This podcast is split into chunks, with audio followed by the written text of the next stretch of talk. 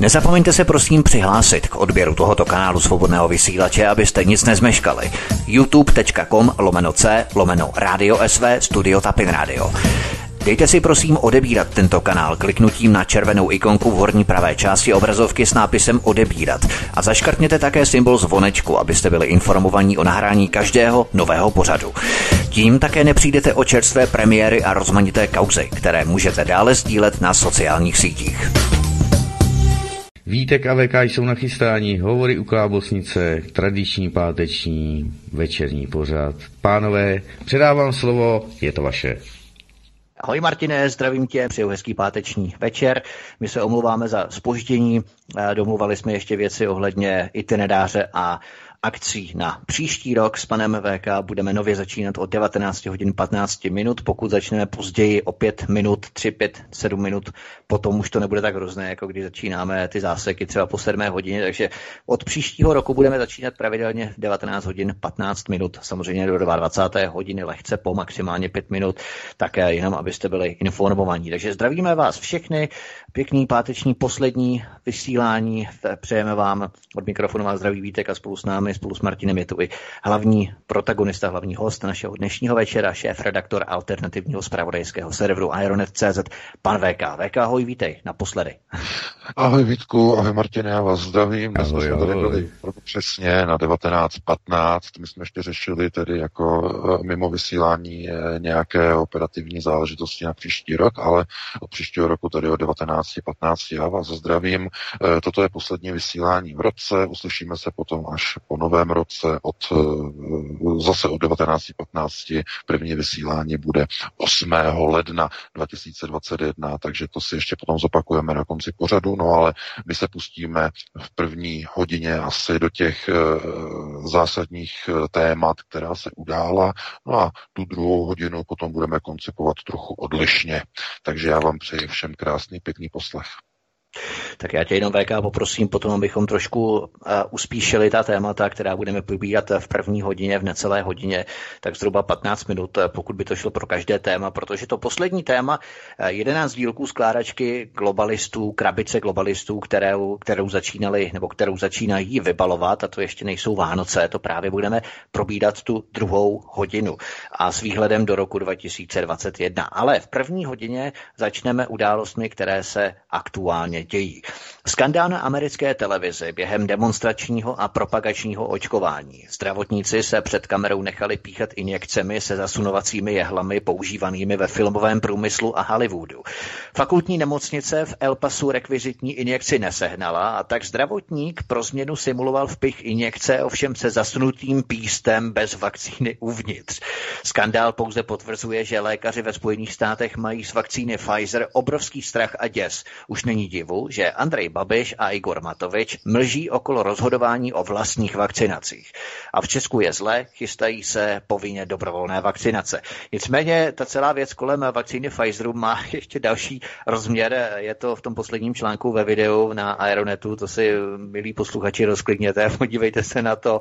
To je neskutečné a je to tragikomické, je to samozřejmě tragédie, ale zároveň to je komické, jakým způsobem oni tlačí neskutečně rychlým tempem horkšité horkou jehlou na tu vakcínu je to takové memento na kampaň Jana Blatného, ministra zdravotnictví, kterou rozjel, abychom přemluvili bábu, přemluvili dětka. O, to je opravdu ta kampaň Přemluvte vaší babičku, aby se nechala očkovat. Ne, něco neskutečného, teď dokonce má snad i povolení a vakcína Moderny, a poslední bude AstraZeneca.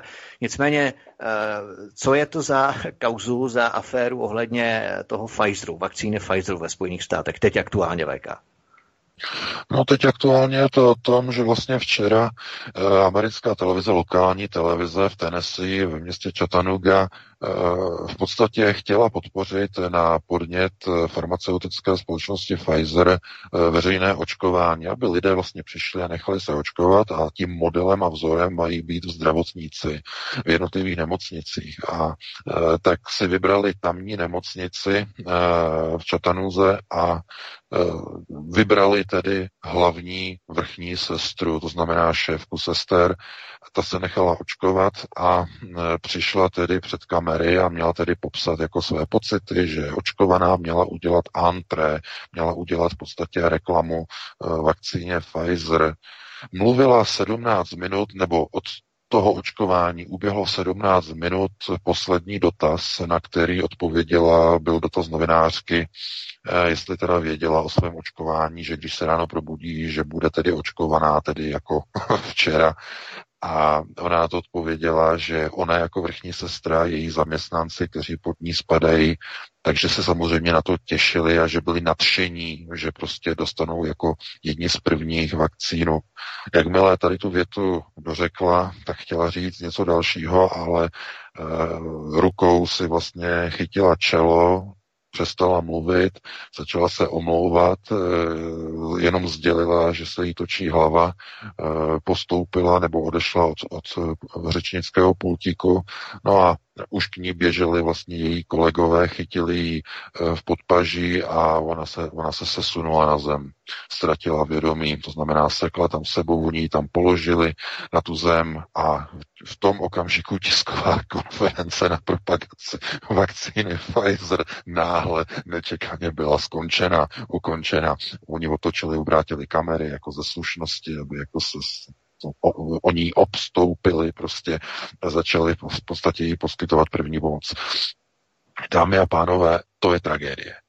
Tohle je, to je odpálení termonukleární marketingové bomby, protože horší reklamu se společnost Pfizer naprosto, ale naprosto nemohla vyrobit.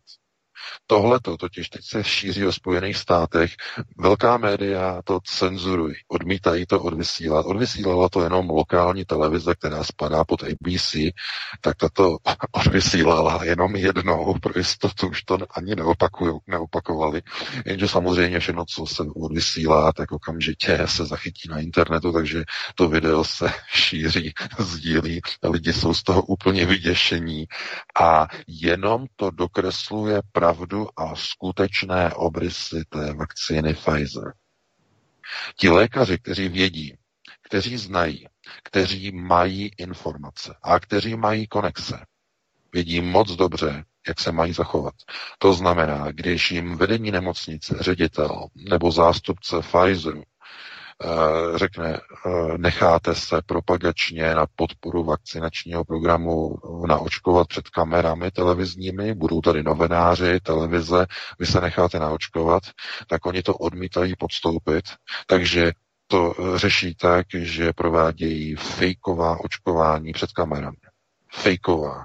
To znamená, jak bylo zachyceno na videu MSNBC, eh, tam bylo vidět, že tam zvolili tu variantu eh, v podstatě se zasunutým pístem, to znamená uvnitř eh, nebyla žádná vakcína, ale jenom tu jehlu vpíchli do ramene zaměstnance, lékař tam nechal tu jehlu asi 4 sekundy a znovu ji vytáhnul bez zasunutí pístu, bez aplikování vakcíny. Prostě normální prázdnou injekci se zasunutým pístem.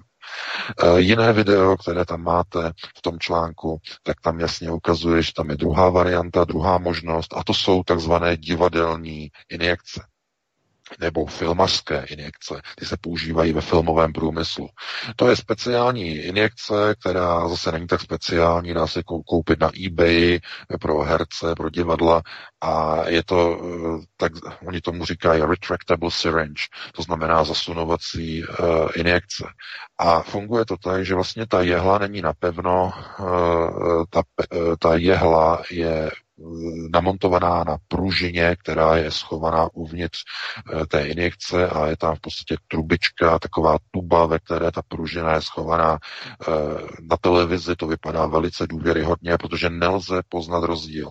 To znamená, když přeložíte Eh, tu jehlu eh, na eh, té injekci na ruku a zatlačíte, tak ta jehla se zasunuje dovnitř injekce, ale vypadá to opticky iluze, která je vlastně vyrobená. Tak iluze, iluze v podstatě jakoby vám říká, že ta injekce zajíždí do vaší ruky, ale je to pouze iluze, protože je to herecká jehla a je vlastně ta jehla umístěná na pružině, takže ta injekce de facto vůbec nemá žádnou funkci. No a je tam i video, vlastně na konci tam vidíte, eh, jak vypadá v praxi jako zblízka eh, ta eh, filmařská injekce, jakým způsobem vlastně funguje. To je samozřejmě šok. Tohle to normálně lidé neví nebo to, že existují nějaké filmařské jehly, samozřejmě lidé neví. A proto také teď jsou lidé úplně v šoku, jsou vyděšeni, protože i to video vlastně BBC, které eh, v tom sestřihu máte z toho včerejšího článku, tak tam vlastně ukazuje, že ta sestra svého kolegu vlastně očkuje do ramene, ona ho jakoby naočkuje, ale dojde k zaseknutí té jehly a když vytahuje v podstatě injekci, tak je vidět, že najednou, co se stalo, jehla zmizela. No, to se občas stává, je to vlastně i v těch diskuzích, těch komentářích, že ta mechanika, ta pružina v podstatě někdy vlastně eh, se vlastně zasekne, eh, je tam taková zarážka, zasekne se a ta jehla už zpátky nevyjede. To se přesně stalo vlastně eh, v přímém přenosu na BBC, protože Boris Johnson také zatroubil do plošného očkování ve Velké Británii a tam probíhá úplně to samé. Lékaři odmítají si zkrátka nechat aplikovat tuhletu vakcínu. Ten důvod je jednoduchý, protože ta vakcína nemá za sebou důkladné testování. Byla testována pouze půl roku na počítačích eh, americké armády v v Oregonu.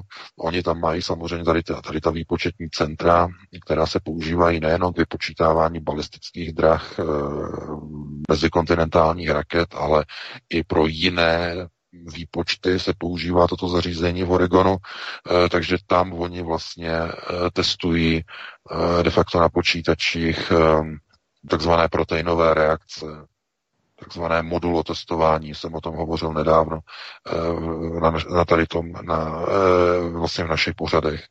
A to je ten problém, protože to není testování na eh, jako živých subjektech na dobrovolnících, přičemž takové testování trvá většinou 8 až 10 let, ale za půl roku se to dá otestovat pouze v simulacích na výkonných eh, počítačích eh, s výkonným paralelním vlastně počítání, takzvané paralelní výpočty.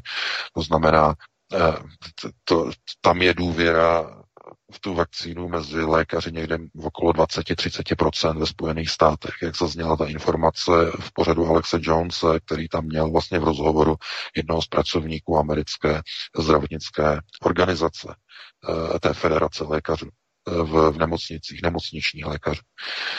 Eh, mluvil o 20-30% důvěry mezi lékaři.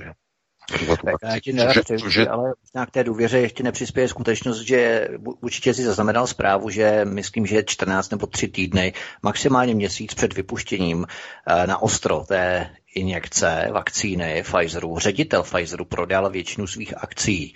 Eh, běželo to na prima CNN News, není to nic eh, jaksi neoficiálního. Oficiálně on prodal většinu svých akcí ředitel. On dopředu musel něco vědět.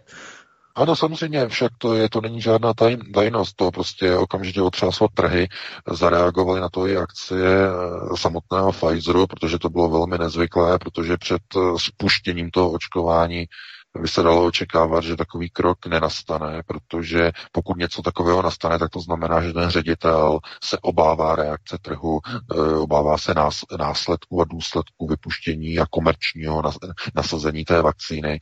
Je to nedůvěra toho ředitele a eh, to jenom to vypovídá úplně za všechno. To znamená, ani ti lékaři nemají proto důvěru. A pozor, dámy a pánové, to není jenom problém Pfizeru. Tohle to bude problém všech dalších farmaceutických společností, které také mají už před vypuštěním své vakcíny, jako je třeba Moderna, firma Moderna nebo AstraZeneca. Eh, ten samý problém bude následovat úplně ten samý. Budou třeba jiné příznaky, jiné vedlejší příznaky, než má Pfizer, ale žádný jiný rozdíl v tom nebude, protože ani tyto společnosti neměly prostor k tomu, aby testovali vakcínu 8 nebo 10 let. To je prostě někde úplně jinde. A proto lékaři tomuto nevěří. A proč? Z jakého důvodu? No, problematika vakcín je, eh, to je prostě trade-off něco za něco. A e, ta vakcína v podstatě dělá tu věc, že e, do vašeho těla e, importuje takzvanou mRNA, modifikovanou ribonukleovou kyselinu, nebo ten řetězec, v podstatě ten je, té jednoduché RNA. A tahle ta informace, nebo řekněme tato modifikovaná RNA, která se dostává do vašeho těla, tak de facto má za úkol vyvolat ve vašem těle imunitní odezvu. Ale k tomu vyvolání dochází de facto takovým způsobem, že eh, ta modifikovaná RNA se dostane do buněk a začne napadat eh, nebo začne v podstatě působit na informační systém buňky, který začne místo eh, očekávaných tedy proteinů začne vyrábět něco jiného, začne vyrábět kopie de facto této modifikované RNA a dochází k porušování strukturální DNA v lidském těle. Strukturální. A při porušení strukturální DNA se aktivuje imunitní systém. To znamená, to je ta mechanika. Že tato, nebo ta činnost těch buněk podní, podnícená nebo v podstatě nastartovaná přítomností modifikované RNA způsobí e, změny a de facto e, přepisy strukturální DNA v lidském těle. A na to má reagovat e, imunitní organismus. Problém je v tom, že u některých lidí ta odezva imunitního systému není taková, jaká by měla být. To znamená, nedojde k zastavení toho procesu. Ten virus začne přepisovat větší než malé množství vaší strukturální DNA. Doslova je to jako ve filmu uh, o vetřelci. De facto um, tady je takový, takový příměr. Protože Hollywood. Proč Hollywood? Hollywood vysílá neustále programovací videa. Podívejte se na film a v podstatě vlastně z té série těch vetřelců, ale jako pokračování, to moderní, eh, které se jmenuje eh, Prometheus. Na začátku toho filmu vidíte v podstatě, jak de facto eh, ta postava de facto onoho, dalo by se říct, jakoby předchůdce, nebo ne předchůdce, ale de facto jakoby nefilim, předchůdce, nebo řekněme eh, toho, kdo stělesňuje nefilim, který tam je zobrazený, ale neříká se mu nefilim. Dokonce v podstatě v celé té trilogii, eh, nebo ona to je zatím jenom vlastně jenom dva díly, to bylo pokračování Covenant, to se taky, Alien Covenant, na to se také podívejte, ale Prometheus de facto tam vlastně zobrazoval, jak Nefilim na začátku, když je tedy v historickém období planety Země, tak jak vlastně pi, uh, otevře takovou, takovou schránku a z ní se napije. Tam jsou v podstatě ty nanorobotické částice, které začnou jakoby měnit jeho strukturální DNA, je tam zobrazené graficky. Na začátku toho filmu Prometheus uh, vypadá to jako graficky zajímavě, ale Takhle fungují vakcíny, ale ne tak přehnaně. To znamená, znamená přepisují část DNA eh, v lidském organismu a nedělají to samoučelně, ale za účelem nastartování odezvy imunitního systému. Pokud u některých lidí není nastartován, tak potom dochází bohužel k těžkým, eh, řekněme, následkům vedlejším, protože ta vakcína de facto potom způsobuje závažné nemoci, změny strukturální DNA,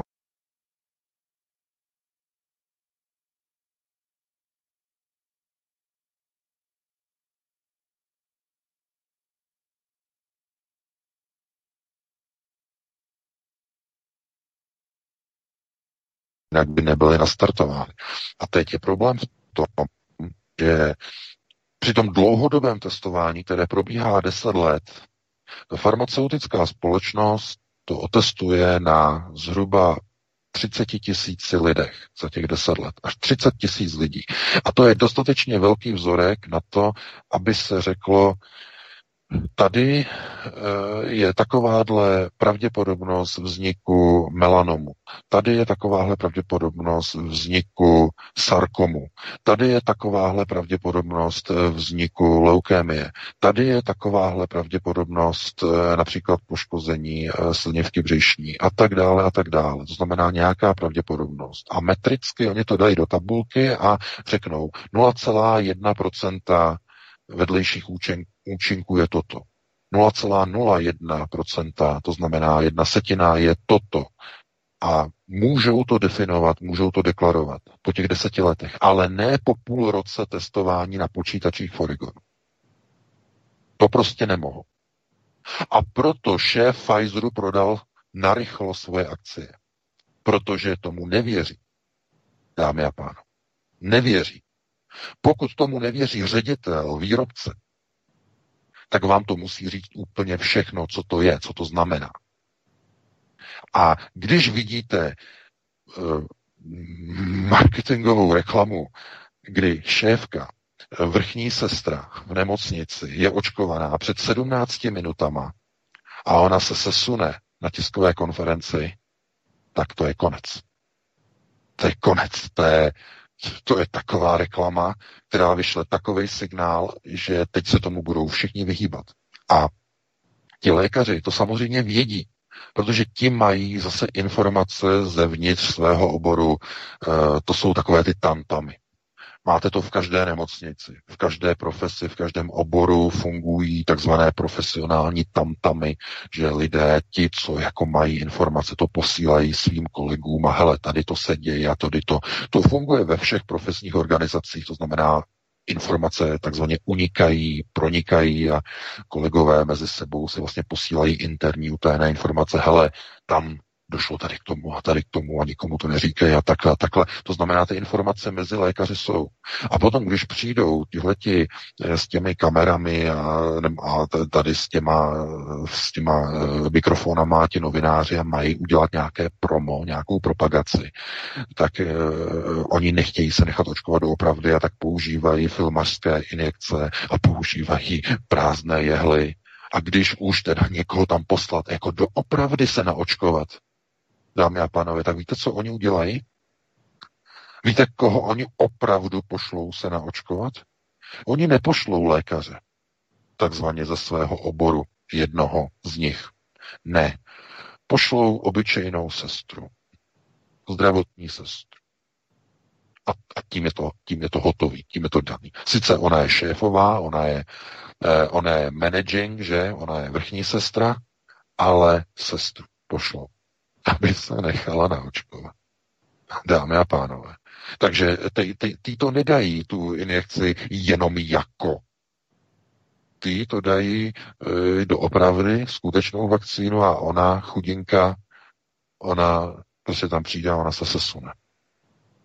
To je, to je tragédie. Víte, a tohle to, dámy a pánové, tohleto, a tímhletím chtějí očkovat 370, oni říkali 374 milionů obyvatel Evropské unie. Těmito vakcínami a vakcínami plus ještě od firm Moderna a AstraZeneca. Od těchto tří společností. a oznámí to jenom rychle, rychle na konci roku, rychle, rychle, aby využili vlastně tu situaci, že lidé, protože z těch lockdownů jsou unavení a chtějí se jich zbavit, tak aby dobrovolně na sílu byli donuceni si tu vakcínu dát.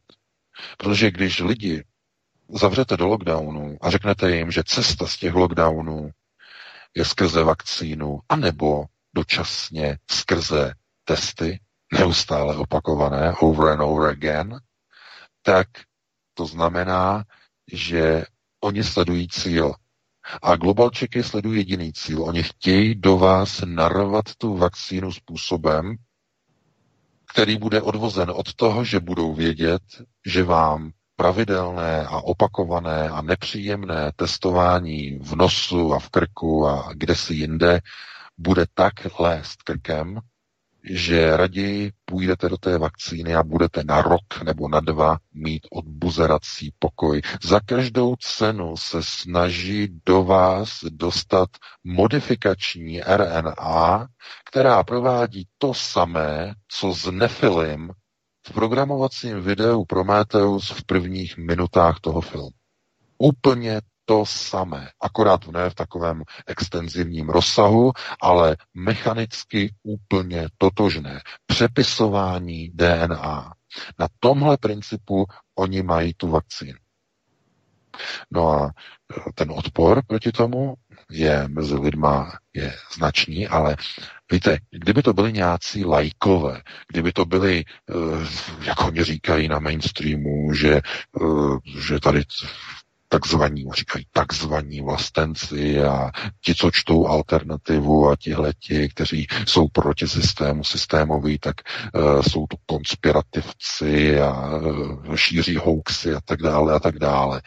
Tak kdyby to byli tihle lidé, tak by někdo to mohl spochybnit, ale dámy a pánové, tyhle ty fejky s falešnými injekcemi při falešném očkování, s prázdnými injekcemi, nebo s injekcemi jako australská ministrině, premiérka australská, myslím teda, že to je, teď mě neberte za slovo, eh, se také nechala eh, propagačně testovat a ta to také měla fejkové eh, tu vakcínu. Ta, ta to udělala pro změnu jinak. Na té jehle zůstal ten plastový kryt. to jsou takové ty plastové kryty, které jsou na těch jehlách takže ji píchali tou, tím plastem, to znamená ani ona se nenechala doopravdy očkovat, jenom fejkové očkování měla. Myslím, že to je teda australská ministrině nebo premiérka, teď mě neberte za slovo, tam nemám představu o těch politicích, uh, ale velká kauza. Vidíte? No a to samé.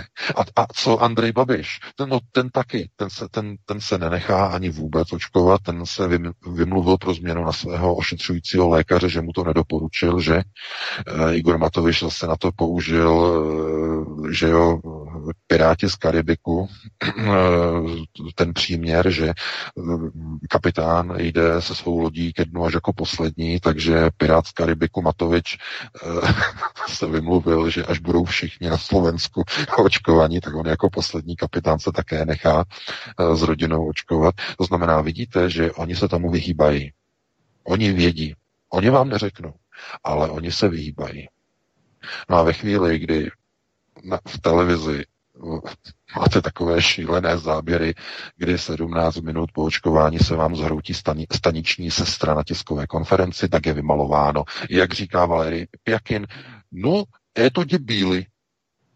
A proč? A z jakého důvodu? No, protože oni ví, když je takhle neotestovaná, proč to pro Boha dělají. Proč vysílají takovéhle signály? oni to neví, co dělají. No prostě lidé se vyděsí. Lidé se zděsí. A oni na to vsadili úplně všechno. Takže ty informace se šíří mezi lékaři ve Spojených státech, oni se nechtějí nechat očkovat, eh, takže to přesunují na nižší hodnosti, to znamená na staniční sestry, do toho je přemluví a eh, dopadá to tak, jako vidíte na tom posledním videu v článku na Aeronet. Takže eh, výsledek konec roku 2020 dneska eh, byl propagačně eh, očkovaný i americký viceprezident Mike Pence, který prostě se nechal očkovat.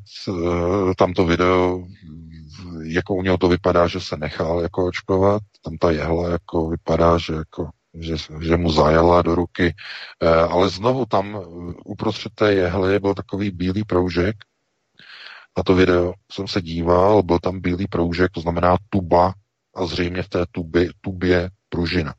Já to video ještě neměl čas analyzovat zblízka, jestli v té injekci je uvnitř ta bílá tuba, ve které je schovaná pružina, ale každopádně bez ohledu na to, jestli Mike Pence se nechal testovat nebo nenechal, nenechal, nebo jenom jako fejkově, to nic nemění, zkrátka na těch eh, důkazních záběrech z amerických televizí, že lékaři používají fejkové injekce, prázdné injekce. A když se někdo z těch zaměstnanců nechá očkovat, no, tak, tak se sesune během tiskové konference na zem. Ztratí vědomí to je potom jasný důsledek toho, proč oni chtějí na sílu, jak říká slovenský Führer eh, Matovič, proč oni na sílu dobrovolně, dobrovolně na sílu, chtějí lidem aplikovat ty vakcíny pod pohrůžkou, a to je právě to na sílu, že kdo nebude očkovaný, nebude moc chodit do zaměstnání. Hotovo, vymalováno. Stejně právě jako to měli tam na Slovensku. Během, během toho celoplošného testování. Kdo neměl modrý papír od e, vrchního Führera, tak ten nesměl do práce. Ten nesměl dokonce ani na poštu a nemohl ani tamhle a tamhle a tamhle. To znamená, že co znovu na Slovensku je laboratoř. To je labák, obrovský labák, nebo ne obrovský, ale pětimilionový, že oni to tam mají a oni dělají testy pro globalčiky. Na co přistoupí Slováci, to se použije i v jiných zemích.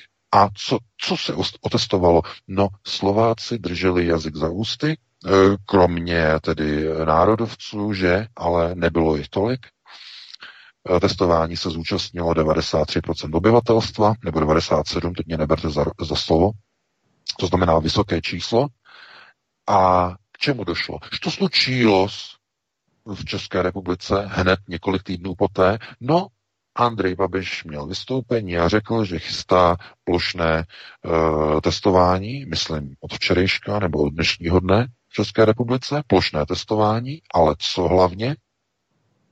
Senát parlamentu České republiky včera schválil uh, ten vládní návrh zákona o distribuci vakcín, kde odmítl zařadit vlastně ten doplňující eh, návrh eh, poslankyně SPD Karly Maříkové na to, aby očkování proti COVID-19 v České republice bylo dobrovolné a aby lidé, kteří odmítnou se nechat očkovat, aby nebyli postihováni a sankcionováni a umenčováni na svých občanských a lidských právech. A toto bylo odmítnuto. Jak v poslanecké sněmovně, tak včera i v Senátu, kde to neprošlo o dva hlasy. To znamená, že dámy a pánové, Babišova vláda jede tvrdě dobrovolné očkování na sílu. To znamená sice dobrovolně, ale na sílu a v první linii to budou státní zaměstnanci. Ti budou se muset nechat dobrovolně na sílu očkovat. To vám říkám, kdo nebude, skončí mu zaměstnanecký poměr jako státního zaměstnance. Oni to ještě nikomu neříkají. Ještě co? Oni říkají po Vánocích, eh, to vybalíme na ty lidi. Tohle, co oni to ještě nechtějí jako takhle, takzvaně na krev, jako na sílu, prostě lidem vybalovat před Vánocema, že jo, nechají lidi vybalit si ty dárky a potom jim to vybalí jim to na nový rok. Nebo tak. Jo? To znamená, proč? Z jakého důvodu? No, protože česká vláda eh, no, Eh, no, pasmatrý, oni řekli. Podívej se tam. Jo? Podívej se na Slovensku, jak to tam je. Tam to prošlo. Lidé nesměli chodit do práce bez modrého Matovičova e, e, toho e, Liebesbriefu. Prostě nemohli. Nemohli. Nemohli, byli, byli zavření, tohle to nepustili tam, ani, ani na poštu, nic, vůbec nic. Takže co? Tam to prošlo, žádné generální stávky na Slovensku kvůli tomu nebyly, že se porušují občanská práva, ústava a že se eh, porušují e, základní e, principy občanských práv a svobod v chartě OSN. Takže co udělal Babiš? Řekl, aha, mh, na Slovensku to funguje, takže to uděláme i v Česku. A to je důsledek toho, proč ten pozměňovací návrh Karly Maříkové včera v Senátu byl také e, odmítnut a proč také neprošel? Protože je to připraveno, je to nachystáno. Protože kdyby to prošlo, ten návrh, a bylo by to dobrovolně, a bylo by to zakotvené v zákoně, že to je dobrovolné a nikdo nesmí nikoho postihovat, když to odmítne, tak co by, čemu by došlo, dámy a pánové, a vy už to víte, ano, ti státní zaměstnanci, ti stát, nebo ne zaměstnanci, nejde, pozor, nejde jenom o státní zaměstnance, jde i o státní pojištěnce. Mezi nimi jsou důchodci. Tak k čemu by došlo? Jsou jich více jak 4 miliony. K čemu by došlo? No došlo by k tomu, že většina jich těch státních pojištěnců by to vládní nařízení o očkování skupin osob v populaci odmítla. A ty nakoupené a objednané vakcíny, ty velké vejvary skrze ty různé obchodníky a tak dále, tak dále, by zkrátka byly nulitní Oni by se, nebo oni by se museli nakoupit ty vakcíny, že už jsou zasmluvněné, museli by se odebrat, jenže by někde prostě ležely někde ve skladu, nikdo by je nepoužíval. Ne, že by to někomu vadilo, pozor, pozor, pozor, to by nikomu nevadilo, že tam někde budou ležet. Konec konců eh, před deseti lety vakcíny proti prasečí chřipce se také nakupovaly, potom je nikdo nechtěl, pak to jako leželo, leželo, leželo, leželo. Ale má to jeden problém. Tehdy nebyl u moci nenáviděný Andrej Babiš. A opozice svým ostřížím zrakem jenom sleduje, jestli náhodou větší než malé množství těch vakcín nepůjde vniveč, aby mohli okamžitě skočit po krku Andrej Babišovi a říct mu, ty si nakoupil moc vakcín a ty si je neupotřebil, ty si vyplýtval státní prostředky, podívej, podívej, podívej. A proč si to nemůže Babiš dovolit? No, protože volby.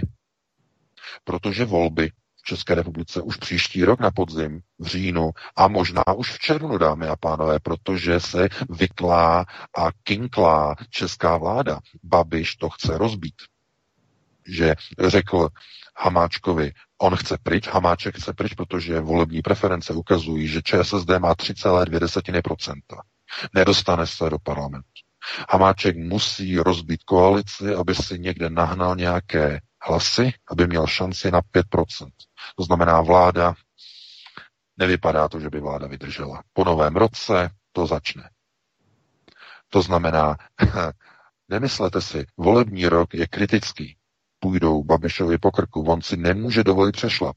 A kdyby mu 5 milionů vakcín zůstalo někde na skladě, protože by řekli, eh, že Babiš nakoupil a eh, lidi mu na to nechodí, no tak to by, byl, to by byla voda na mlín opozici.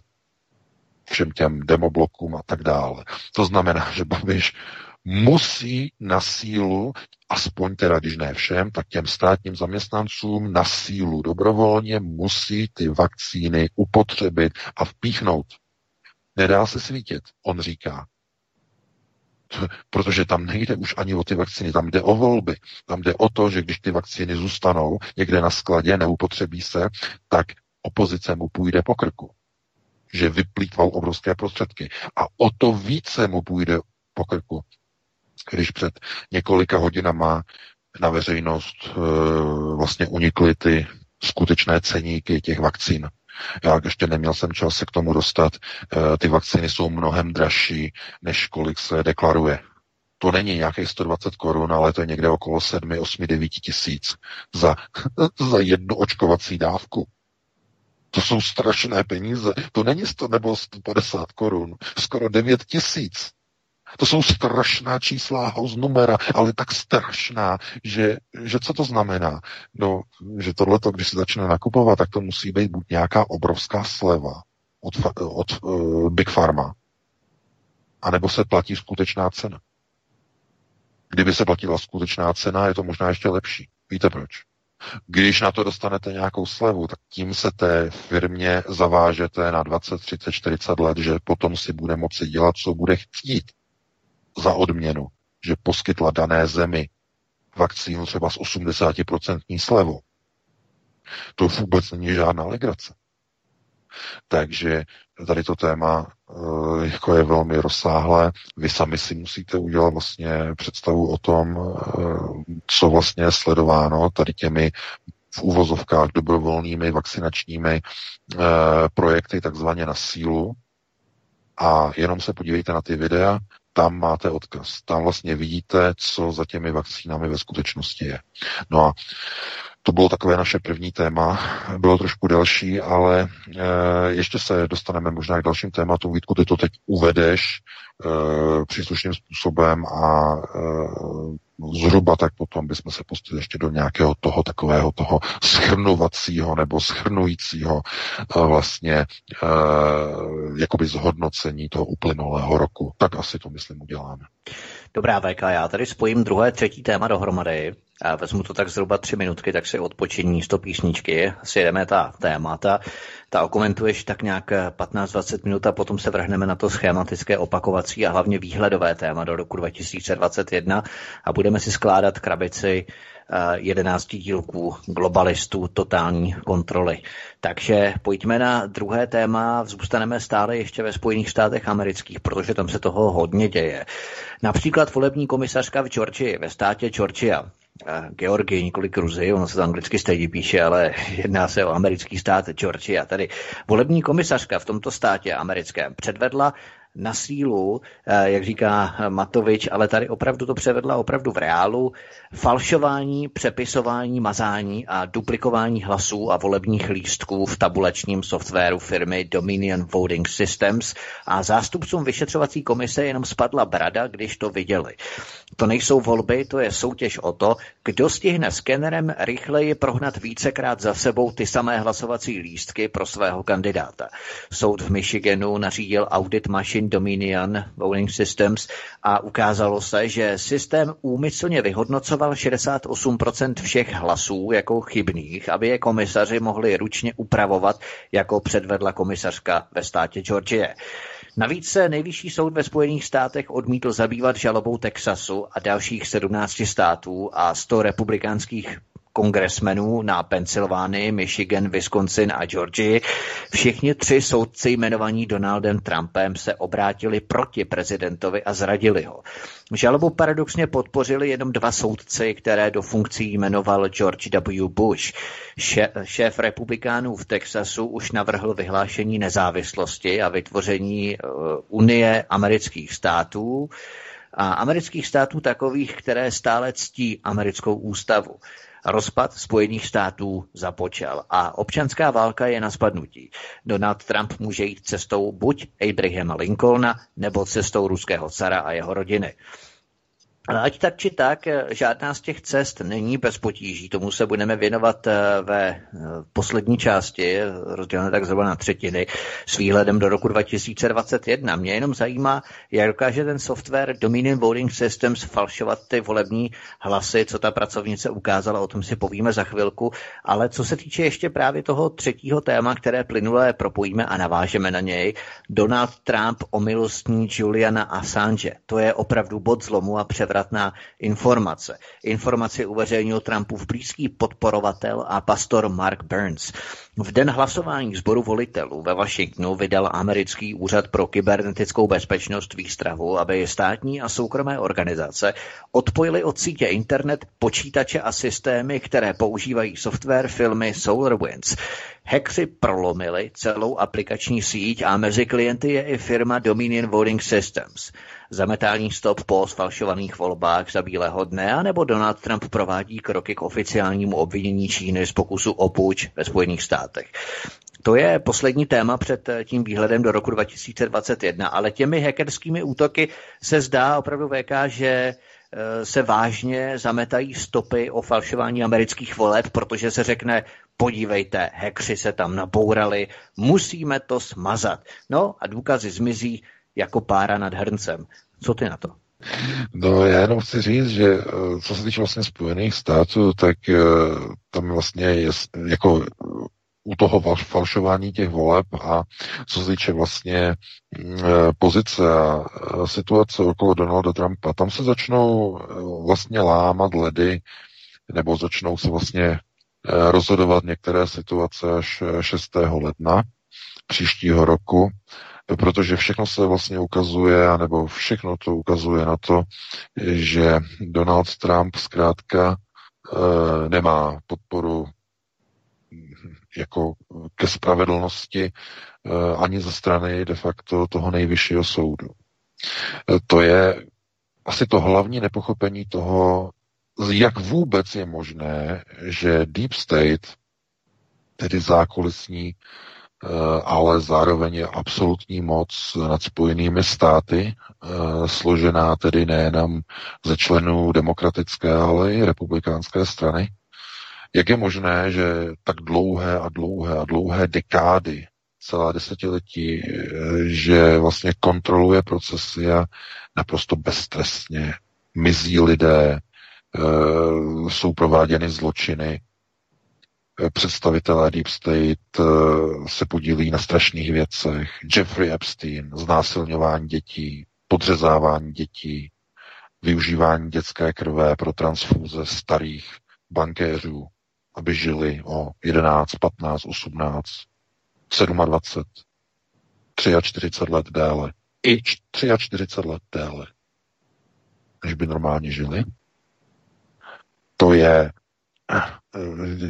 jak je možné, že takové kauzy, takové důkazy, uniklé e-maily, Pizzagate a další, eh, nebo ta kauza eh, s tím, s tím obchodováním eh, s dětmi pod názvy v podstatě předražených doplňků do bytu a jednotlivých kusů nábytku. Jsme přinesli tu informaci, si možná pamatujete.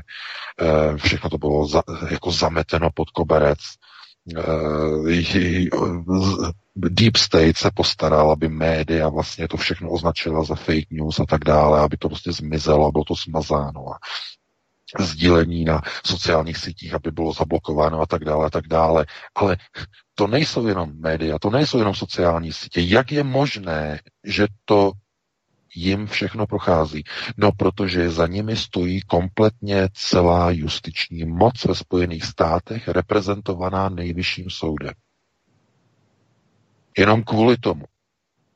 Deep State drží u moci soudní systém ve Spojených státech, justice, na jehož vrcholu dlí hlava Hydry. Supreme Court, nejvyšší soud. Kdyby byly obráceny karty v obráceném gardu, kdyby to byl Joe Biden, který by byl okraden o výsledek voleb, a kdyby to byl Donald Trump, který by falšoval volby a měl by e, pod palcem e, firmu na výrobu e, volebních mašin a tak dále a tak dále. Netrvalo by to ani 24 hodin a už by zasedali nejvyšší soudy a už by rozhodli, že volby byly neplatné, tam se to změní, tam se to změní, tam se to změní, tam se to změní, tam se to změní. A tam vyhraje Biden a tam a tam a tam a tam a tam a tam. Kdyby to bylo obráceně. Okamžitě by byly převráceny volby. To znamená, té spravedlnosti, tomu právu by bylo učiněno zadost nejenom v plném rozsahu, ale okamžitě, blesku rychle. Jenže je to v obráceném postavení. Je to v obráceném gardu. Tomu nejvyššímu soudu vyhovuje, že to bylo sfalšováno, kryje to sfalšování a vyhovuje těm soudcům, že de facto zůstává status quo a že Donald Trump je pomalu, po tichosti a v tichosti odsunován a okrádán o volební, o volební vítězství. Přesto vlastně dál a dál se vlastně snaží oni uh, u jednotlivých soudů najít některé konkrétní soudce, které mají vytipované, o kterých ví, že jsou to konzervativci, že jsou to patrioti a u nich se chtějí domoci těch kýžených a potřebných rozsudků, aby následně 6. ledna to mohli obrátit v americkém kongresu. Protože americký kongres, eh, dolní a horní sněmovna, bude tím finálním arbitrem amerických voleb. To znamená hlasy volitelů které byly 14. prosince, teď v pondělí byly odevzdány a kde tedy jako to měl vyhrát Joe Biden, tak jestli budou přijaty ty hlasy, anebo budou označeny za nepřípustné a budou předloženy jiné hlasy volitelů, takzvaný, oni tomu říkají jiný talíř z hlasy, different slate, a na něm budou v podstatě hlasy pro Donalda Trumpa, protože jistě víte, že v pěti klíčových státech, v těchto konkrétních, 14. Eh, prosince hlasovali de facto dva sbory volitelů. Republikáni měli vlastní hlasování, kde zvolili Donalda Trumpa. A tohle to přijde 6. ledna do amerického kongresu. Dva eh, nebo dvě sady hlasů volitelů. Jednak těch které byly voleny vlastně tím demokratickým zastupitelstvem a celou tou kohortou demokratů. No a ta druhá skupina která pochází od republikánů. Se bude rozhodovat toho 6. ledna, ale je tam k tomu potřeba několik vlastně ještě kroků. Oni musí najít nějakého soudce, který jim dá dostatečný podnět k tomu, aby přesvědčili některé senátory a přesvědčili některé hlavně kongresmeny o tom, že volby byly sfalšované. Protože i mezi demokraty jsou uh, senátoři a jsou tam i kongresmeni, uh, kteří by nikdy nezvedli ruku pro sfalšované volby. To není tak, jako že celá demokratická strana je úplně totálně od zora dolů skorumpovaná.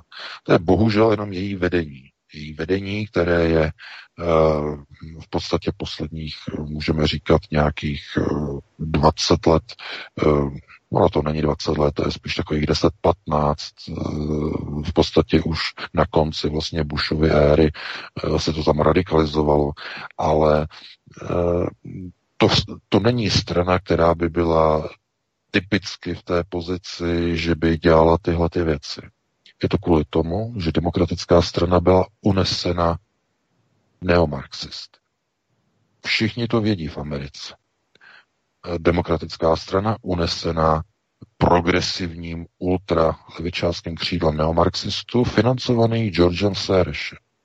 Potom není divu, že volby zajišťuje firma Dominion svými maš- mašinami, které, na kterých jsou nainstalovány programy, které vyrábí firma Smartmatic, a tu firmu vlastní britská společnost SGO Corporation, které šéfuje Lord Mark Mallock Brown, který byl minulý týden Georgeem Serešem za odměnu jmenován prezidentem a šéfem Open Society Foundations.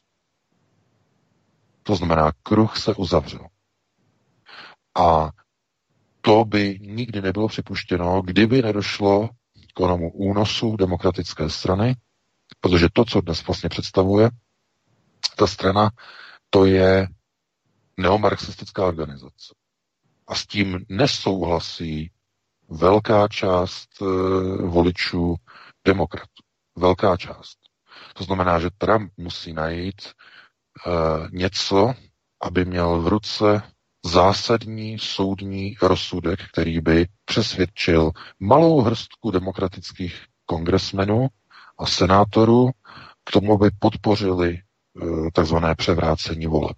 To znamená Eh, popření eh, toho sjezdu volitelů z pondělí 14. prosince. Tohle to on potřebuje. Potřebuje jeden zásadní rozsudek na úrovni federálního soudu, které, kteréhokoliv ve Spojených státech. Ne, nemusí jít ani o rozsudek nejvyššího soudu, ale kteréhokoliv federálního soudu. Finální, konečný rozsudek v jeho jasný prospěch. Stačí jeden jediný.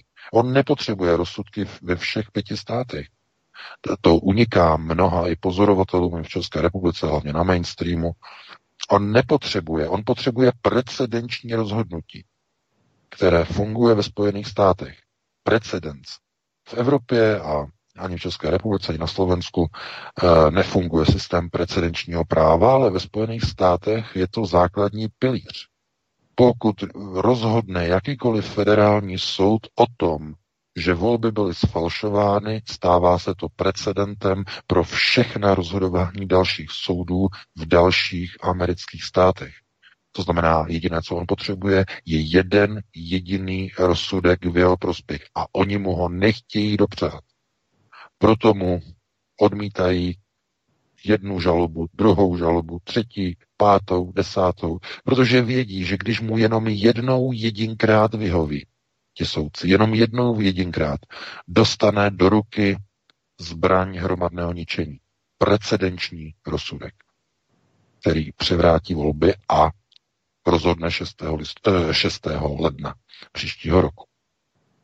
Takže o to se teď hraje o jeden jediný rozsudek federálního soudu, jakýkoliv, v jakémkoliv státě, ve prospěch Donalda Trumpa. Bude to mít obrovsky těžké, ale e, vzhledem k tomu, že dochází k posunům, k systémovým posunům v jednotlivých státech i mezi vlastně jednotlivými národními kongresy v amerických státech, tak je velká naděje, že se dočkáme ještě velkých překvapení. Možná ještě před koncem roku, možná po novém roce, několik dnů po prvním lednu.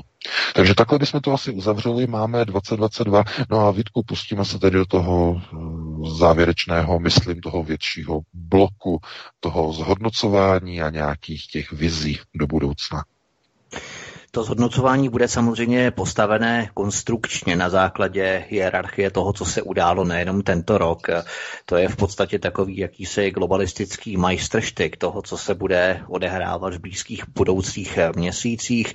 My samozřejmě nebudeme věštit z křišťálové koule, nebudeme si hrát na toho, kdo ví, co přijde, ale můžeme to předvídat a čím více informací máme, tím jasněji tu budoucnost můžeme vidět. To je velmi důležité a proto právě my na alternativě se snažíme mít ten informační náskok.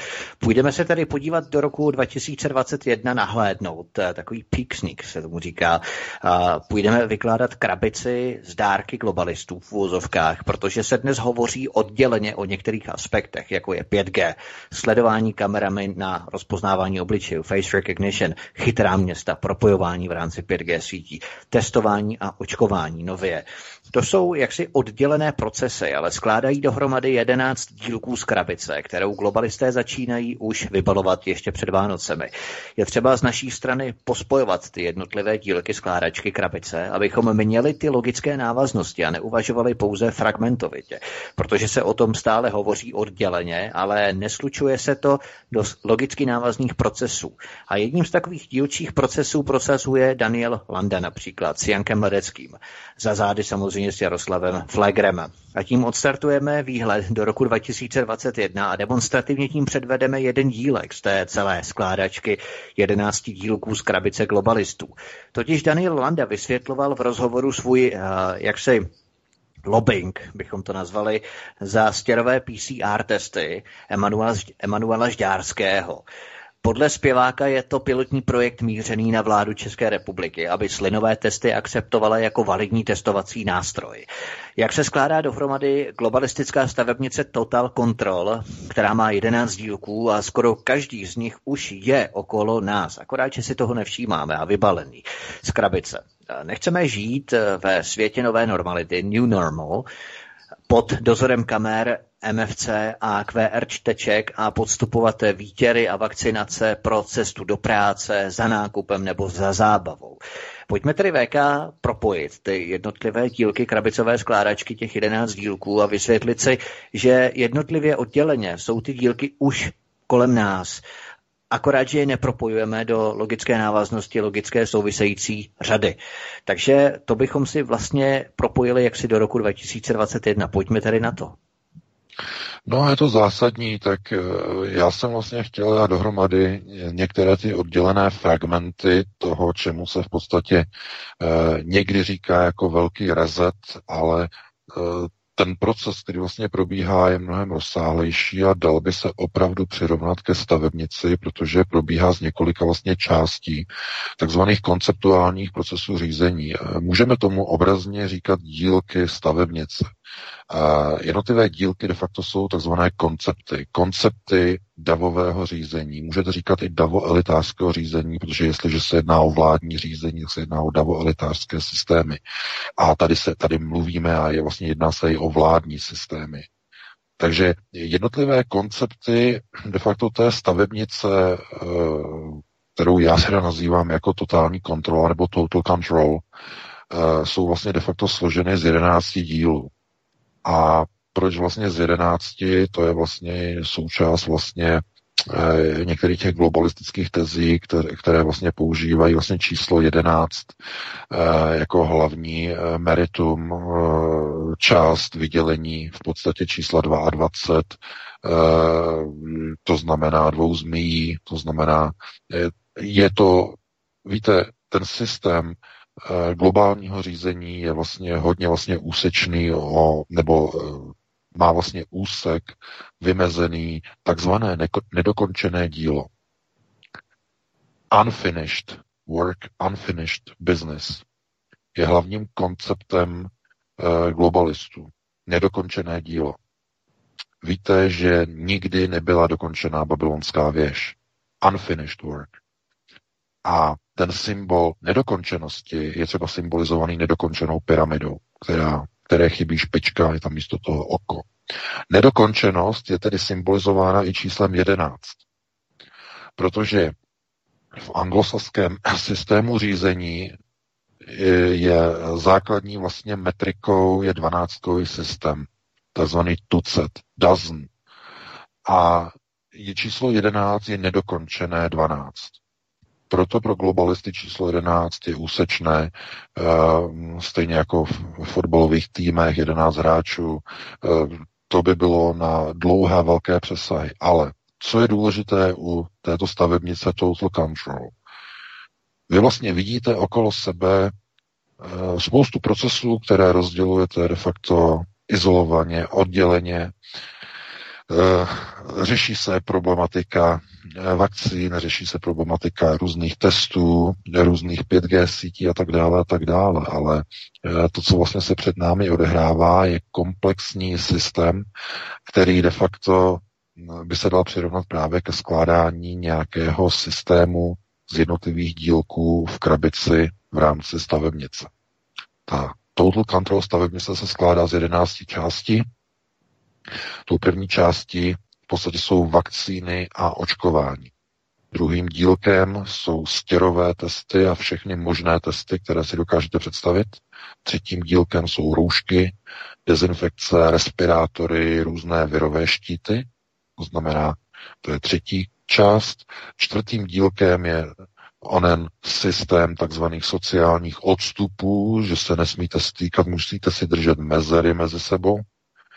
Pátým jsou lockdowny podniků, živností, eh, malých a středních podnikatelů, ale ponechání velkých nadnárodních korporací v provozu, kterých se to nesmí dotknout.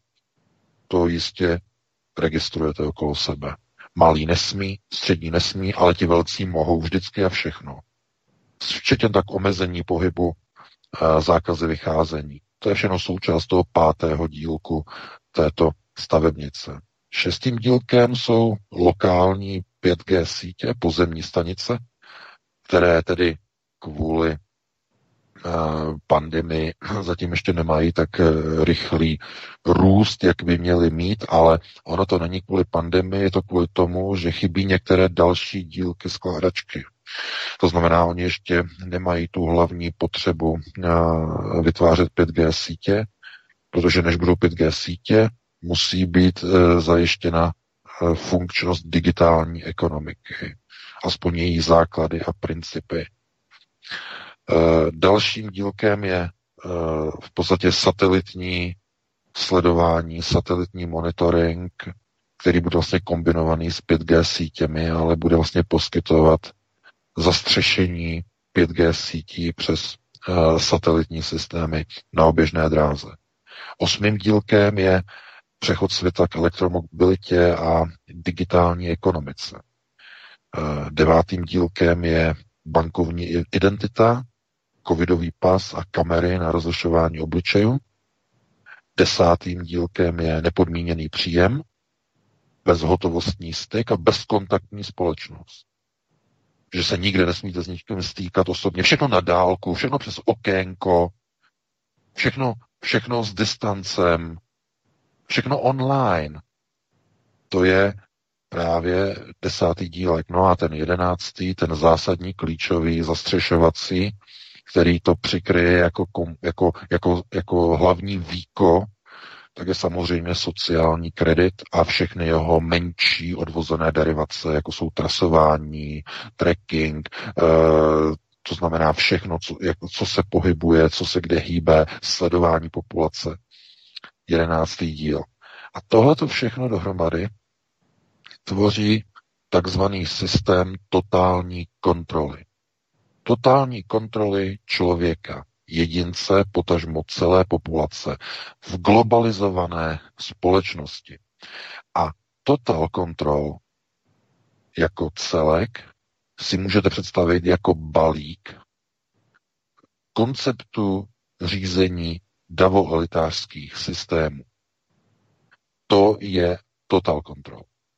A všechno, co se děje okolo nás, tak spadá do jednoho konkrétního daného dílku. Když se jenom rozhlédnete okolo sebe za tento rok, k čemu došlo, tak jsme viděli e, zavedení dílku číslo 3. Roušek, respirátorů, dezinfekcí, virových štítů. Viděli jsme dílek číslo 4. Sociální odstupy. Viděli jsme dílek číslo 2. Stěrové testy, antigenní testy, všechny možné testy firmy na testování, mobilní testy, testování, Daniel Landa, jeho mobilní testování. Viděli jsme lockdowny, to znamená dílek číslo pět, zavírání malých podniků, kadeřnictví, divadel, kin, obchodů, eh, kromě tedy těch, které jsou potravinové. Tohle to všechno jsou, jakoby se zdá jako oddělené díly, ale jsou to všechno díly jedné stavebnice totální kontroly obyvatelstva. Tohle je ten počátek. A vidíte, jaké jsou problémy. Protože chybí v té stavebnici, nebo z té stavebnice ještě nebyly vyzdviženy některé dílky na to, aby ten systém byl ještě plně funkční. To, co chybí, je sledování lidí. Viděli jste na jaře, že oni se pokusili de facto trochu suplovat uh, dílek číslo 11 pomocí sledování uh, lidí. Oni ještě nemají sociální kredit, ale chtěli pomocí de facto e-roušky sledovat lidi, trakovat lidi, trasovat lidi. To znamená, pokusili se o to Pokusil se o to v rámci těch, i těch, vlastně těch lockdownů, omezení toho pohybu, aby mohl být vlastně jakoby nainstalován dílek číslo 5, tedy omezení pohybu a zákazy vycházení, tak potřebovali něco málo nasimulovat v dílku 11. To znamená nějakým způsobem sledovat ty lidi, jak se pohybují. Jim to, jim to nefunguje, a to z toho důvodu, že jednak je to jako nezájem ve veřejnosti, je tam odpor ve veřejnosti a ten systém zkrátka ještě není tak ukotvený, aby mohl být mandatorně vynucován. S některými výjimkami samozřejmě, když někdo je označený za infekčního, tak je povinen si tu aplikaci nainstalovat, to už zase novinka, takže uh, oni hledají ty cesty, ale oni ví, že příliš dlouho nevydrží s takzvaným nouzovým stavem a oni dlouho nevydrží uh, s tou habaďůrou, že je to všechno kvůli ochraně zdraví. Oni chtějí kontrolovat společnost. A lidé se nechtějí nechat kontrolovat. Tak je nutné najít výmluvu, proč se ti lidé musí nechat kontrolovat dobrovolně na sílu při nejhorším. No je to ochrana zdraví ostatních lidí. To znamená, přece byste nebyl tak uh, sobecký, že byste ohrožoval ostatní lidi tím, že v době zákazu vycházení budete chodit ven, že budete ohrožovat staré lidi. Přece nebudete takový. Chápete? To znamená, do nějaké chvíle to ještě funguje, ale lidem dochází nervy, dochází jim trpělivost a oni budou potřebovat některé mnohem silnější nástroje řízení a procesu řízení, a jedním z těch hlavních a klíčových nástrojů, a ten je, myslím, jako naprosto zásadní, je samozřejmě nepodmíněný příjem a bezhotovostní styk a bezkontaktní společnost. Proto vidíte už různé pilotní testy na nepodmíněný příjem, eh, jak tady v Německu, tak jste viděli před dvěma lety ve, ve Finsku, i v dalších zemích eh, jedou prostě testy na nepodmíněný příjem Jakou to má souvislost? Co nepodmíněný příjem? No nepodmíněný příjem je součástí total control. Proč? Z jakého důvodu? Proč někdo by prosazoval zdarma? Někdo říká zdarma rozdávání lidem, že to nedává smysl. No to dává naprosto dokonalý smysl totální kontroly. Nasunování digitální ekonomiky a čtvrté průmyslové revoluce udělá dělníka dnešní éry živého dělníka obsoletním, zbytečným. Přijde o práci. Takových lidí budou tisíce, desetitisíce, stovky tisíc, miliony. Spolu s tím globalizace bude mít tendenci přesunovat manuální výrobní závody do laciných tradičních montoven v třetích zemích. Otázka, co s těmi lidmi v rozvinutých zemích? Ti budou sedět doma a dloubat se prstem v nosu a budou uh, se pást někde na trávě? Chápete? Z tohoto důvodu oni už počítají s tím, že v rámci přerozdělování a systému procesu řízení budou tito lidé v rámci schudlé ekonomiky, oni tomu říkají uh, New Green Deal, nová zelená dohoda, což je jenom maskovací název pro proces indukce chudnutí západní společnosti, snižování nákladů spotřeby, držení doma na penězích, které jim budou rozdávány za to, že budou sedět doma, nebudou se bouřit, budou mít co jíst, budou mít se čím bavit, budou mít své Netflixy, budou mít své HB, HBO Go, budou mít své Amazon Prime, budou mít uh, streamování, budou mít internety, budou mít zábavu, budou mít zlaté masky, uh, nekonečné televizní seriály, nekonečné ordinace, děti se budou učit z domova, manžel bude pracovat z domova, všechno bude online v rámci digitální ekonomiky, nákup nákupy vám přiletí dronem nebo vám přijedou autonomním autem, nikam se nebudete hýbat, díky tomu, že bude všechno elektrifikované a auta na spolovací motory od roku 2035 budou zrušeny, eh, budou zakázány, tak eh, se v podstatě dostanete do situace, že nebude dostatek elektřiny na nabíjení stovek milionů aut, protože nové elektrárny se nestaví. Takže to povede k tomu, že nedojde k výměnu vozidel jedna ku jedné, to znamená, že když se zbavíte auta na benzín, že dostanete, nebo budete si moci pořídit auto na elektriku, protože nebudete ho mít kde nabíjet. Z čeho nabíjet, to je lépe řečeno, z čeho, z jaké elektřiny nabíjet, protože nové elektrárny se nestaví a stavět nebudou. Takže to povede k čemu? K procesu chudnutí. Už, se ne, už nebudete mít osobní privátní přepravu, budete mít jenom hromadnou, elektrickou, elektrifikovanou. A protože nebudete dojíždět do práce, budete mít všechno online, nepotřebujete ani osobní auto, protože bude všechno, eh, všechny nákupy budou dálkově doručované, budou objednávané online, nebudete muset jezdit ani na nákupy, nepotřebujete osobní dopravní prostředek. A když někam potřebujete, máte elektrickou hromadnou dopravu. To znamená, toho člověka oni izolují doma, ale s tím, jak se budou procesy řízení velmi výrazně měnit a jak výroba se bude přesunovat do, robotické, do robotických sfér, to znamená do systému výroby na automatických robotizovaných autonomních linkách, což je tedy fenomén, který prosazuje Elon Musk. Podívejte se, co je to takzvaná Gigafactory. Gigafactory nebo Gigafactory, nebo Fatstory, e, úplně doslova česky, se podívejte na internetu. To je budoucnost. Elon Musk, jeho Tesla. Firma nebo závod, obrovský závod o velikosti letiště, hangáru, kde nepracuje lidská ruka, kde pracují roboty, automaty řízené umělou inteligencí vyvinutou firmou Elona Muska. Není tam jeden jediný člověk, kromě dvou členů ostrahy. Ta je ještě živá. To znamená, na ta auta nesáhne, na auta Tesla nesáhne lidská ruka. To je budoucnost. Ta továrna by normálně zaměstnala 17 tisíc lidí.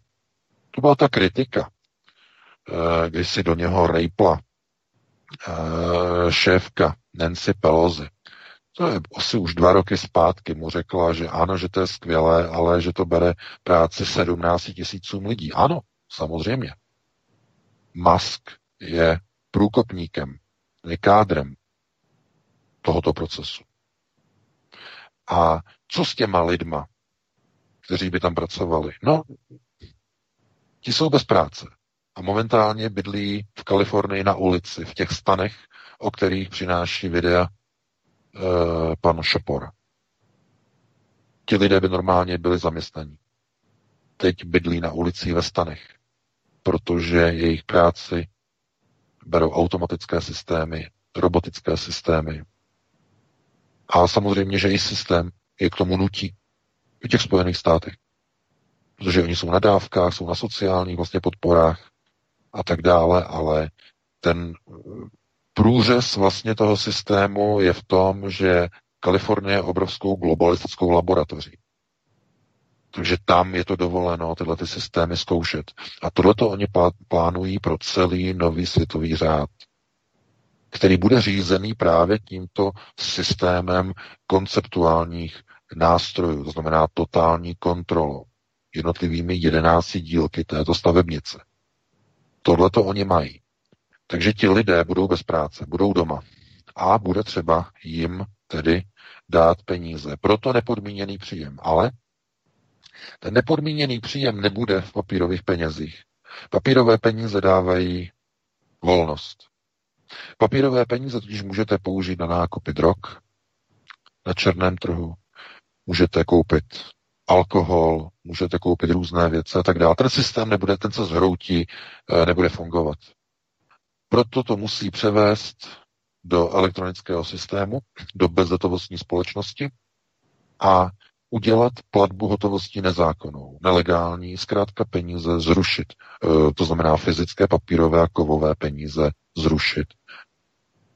V tom okamžiku ti lidé nebudou schopni své peníze elektronicky utratit za e, nákupy alkoholu, za nákupy drog, protože ten systém nedovolí převést platbu neautorizované osobě na její účet. Protože ten díler těch drog nebude autorizován, aby přijímal bezhotovostní společnosti platby na černém trhu. Nebude mít autorizaci od systému. Stejně tak nelegální prodejce alkoholu nebude mít autorizaci. No a díky tomuto bude mít velký bratr kontrolu nad tím, co kupujete.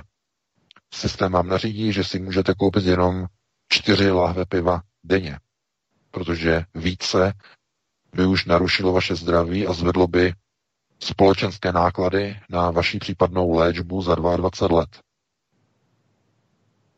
To znamená systémy řízení spotřeby. Spotřebujete moc, zablokuje se karta a systém na nějakou dobu. Proto oni potřebují bezhotovostní společnost, aby mohli kontrolovat dálkově vaše utrácení. Za co nakupujete?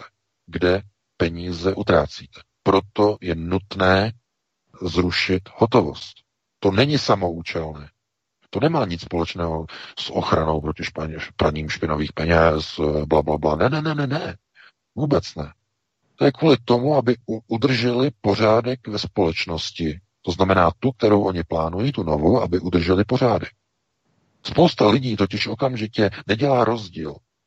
To znamená, dostanou, dobře, mají papírové peníze, co s nima udělají? Běží s nima do herny. Různí nepřizpůsobiví a tak dále, a tak dále. Běží s nima do herny.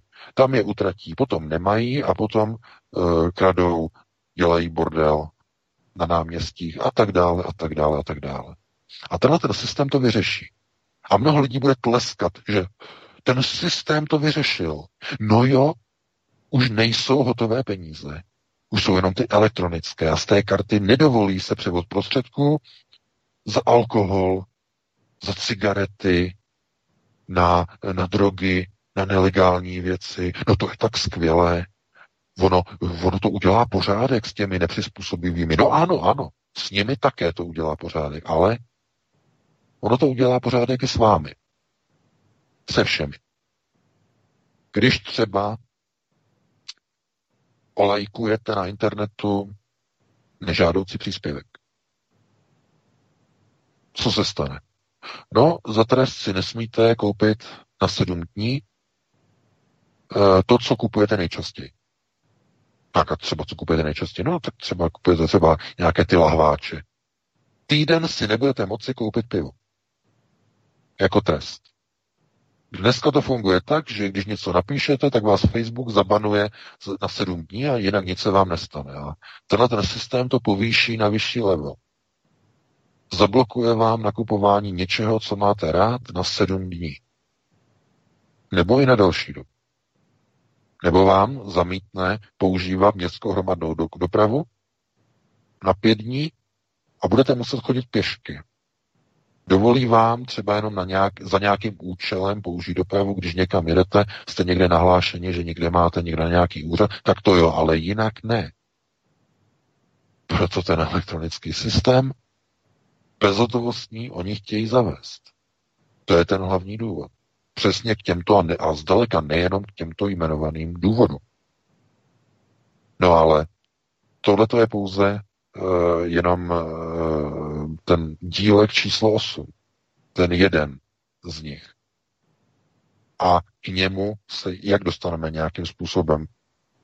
To znamená, jak identifikovat toho člověka. No k tomu bude zase potřeba dílek číslo 9, to znamená bankovní identita, covidový pas a kamery na rozlišování obličejů. Jak, jakou to bude mít souvislost s tím dílkem číslo 8? No, úplně zásadní, úplně ve všem.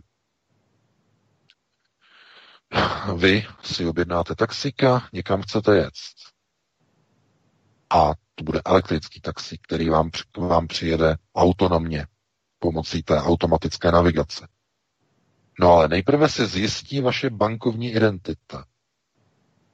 To znamená to, co je zaváděno v evropských zemích a vlastně v České republice od 1. ledna.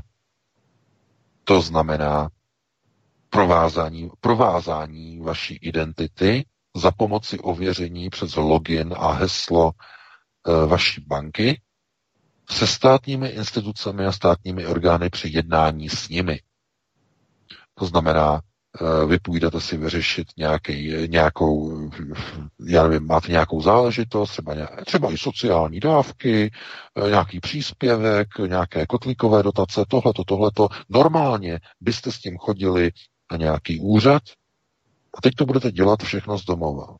Zalogujete se na stránky a ověříte svoji identitu, že vy jste vy, tím, že tam bude rozhraní a na tu stránku se zalogujete skrze přihlašovací údaje ke svému bankovnímu účtu, tím jako se ověříte, že vy jste vy. Používá se k tomu logika, že uh, ten účet je privátní a je váš a nikdo jiný k němu pravděpodobně nemá přístup, takže uh, tím se jako ta identita ověří. No a od toho je právě jenom krůček k té totální kontrole. Jestliže takhle snadno nebo potažmo lze kontrolovat identitu, tak to má nedozírné možnosti. Tu identitu si můžete totiž ověřit nejenom u sebe na počítači, někde eh, v obýváku, někde eh, v pracovně, ale můžete si ověřit i na svém mobilním zařízení, eh, na svém mobilním telefonu. Stáhnete si aplikaci pro bankovní identitu, ověříte si identitu a váš mobil se stává vaším občanským průkazem. A protože váš mobil má NFC modul bezdrátový, tak se váš mobil stává propustkovou kartou elektronickou. Do míst, kam se bez této propustky nedostanete. Covidová brána. To znamená, přijdete do obchodu, než tam vstoupíte, musíte přiložit svůj telefon. Ten ověří přes NFC vaší digitální identitu a hned si přes internet vytáhne informace o vašem očkování. Jste očkovaný, nejste očkovaný. Pokud jste očkovaný, můžete dovnitř, můžete si jít nakoupit nebo se podívat na film, když je to kino, nebo do divadla, když je to zrovna uh, případ divadla. Nebo můžete jít, uh, já nevím, k řezníkovi, nebo do školy, nebo do nemocnice, nebo k zubařovi. Ale když ten systém zjistí, že nejste očkovaný a nejste ani otestovaný, tak řekne, nemůžete vstoupit. Nechte se naočkovat tam a tam a tam, nebo nechte se otestovat tam a tam a tam a potom můžete vstoupit za těchto podmínek. A v tom okamžiku ta bankovní identita se stává součástí totální kontroly. A najednou si to uvědomíte. Najednou vám to docvakne, že už to nemá nic společného s ujednodušením a s lehčením a se zjednodušením vašeho života, aby vám to ulehčilo a mohli jste si vyřizovat věci na dálku z domova se státními úřady.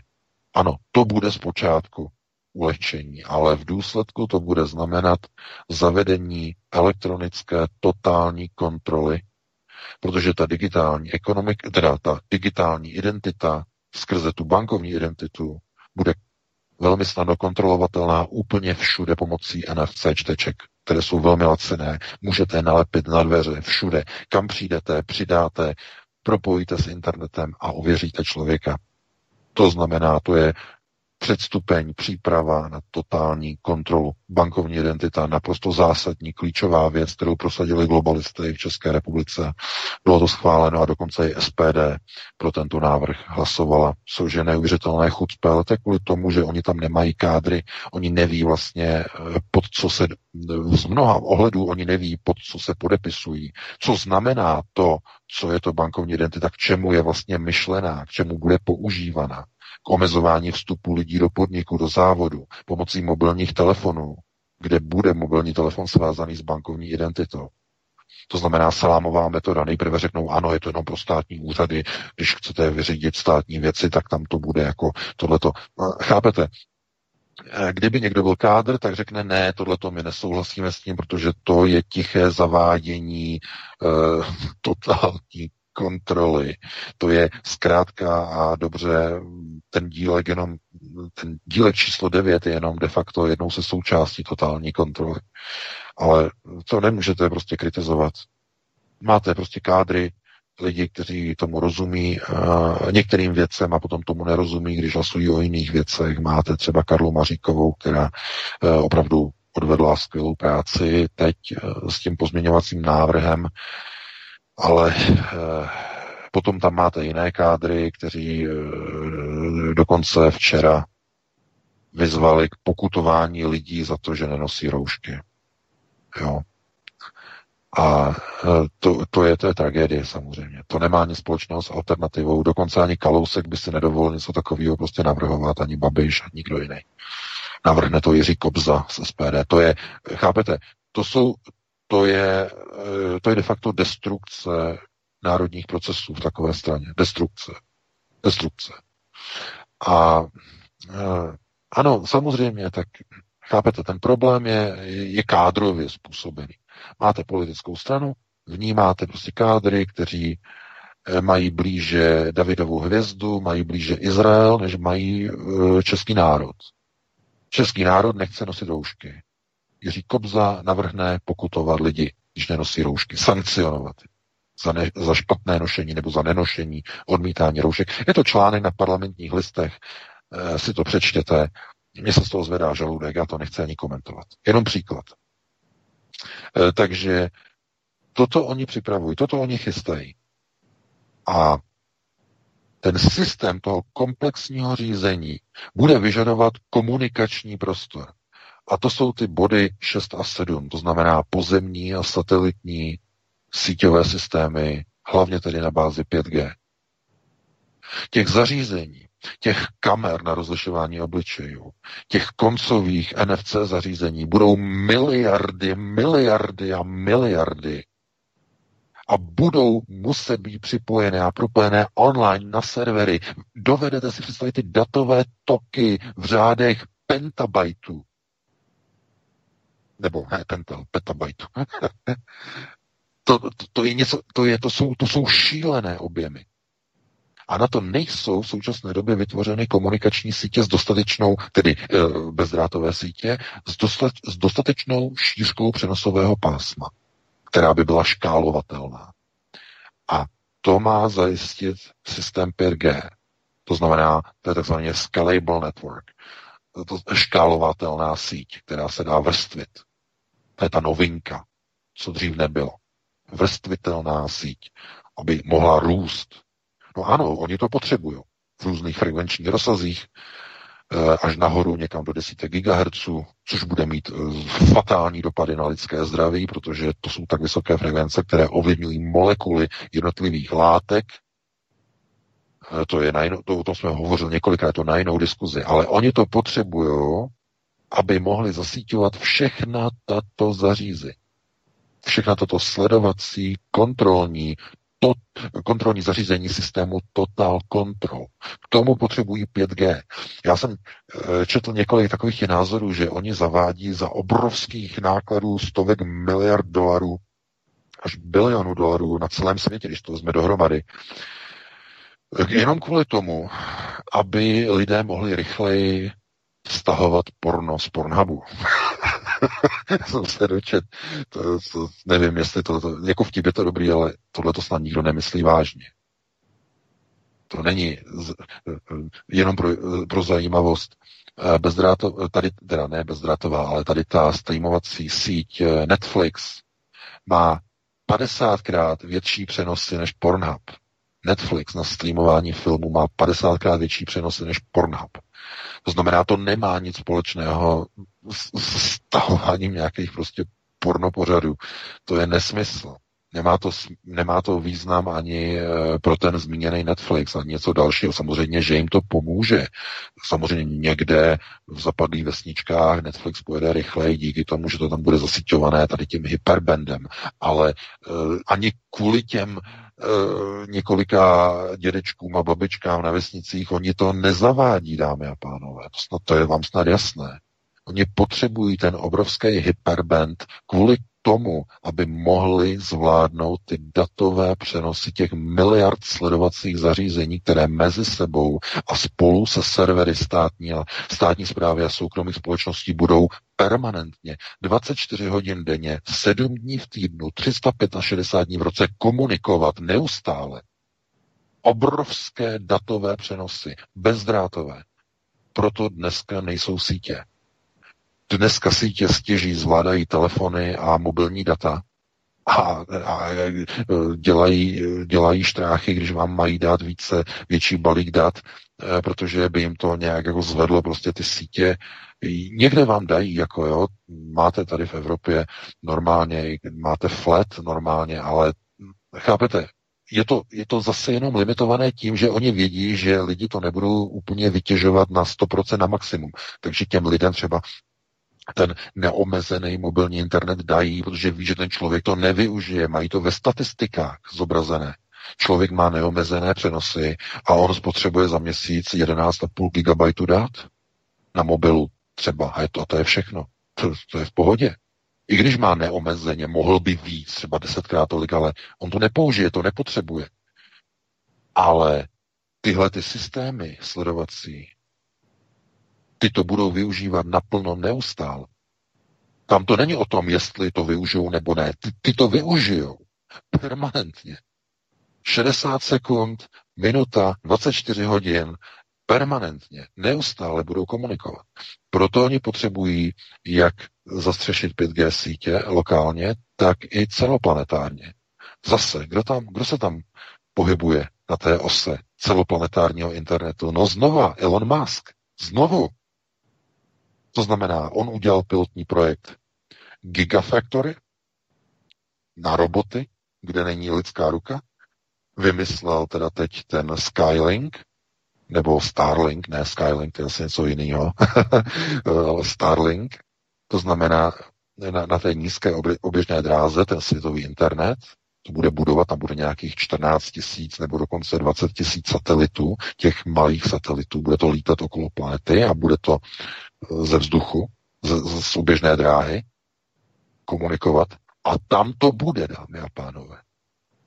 V okamžiku, kdy tohle to bude, v okamžiku, kdy Starlink bude spuštěna, Elon Musk eh, tohle to spustí, tak se stane něco neuvěřitelného, dámy a pánové.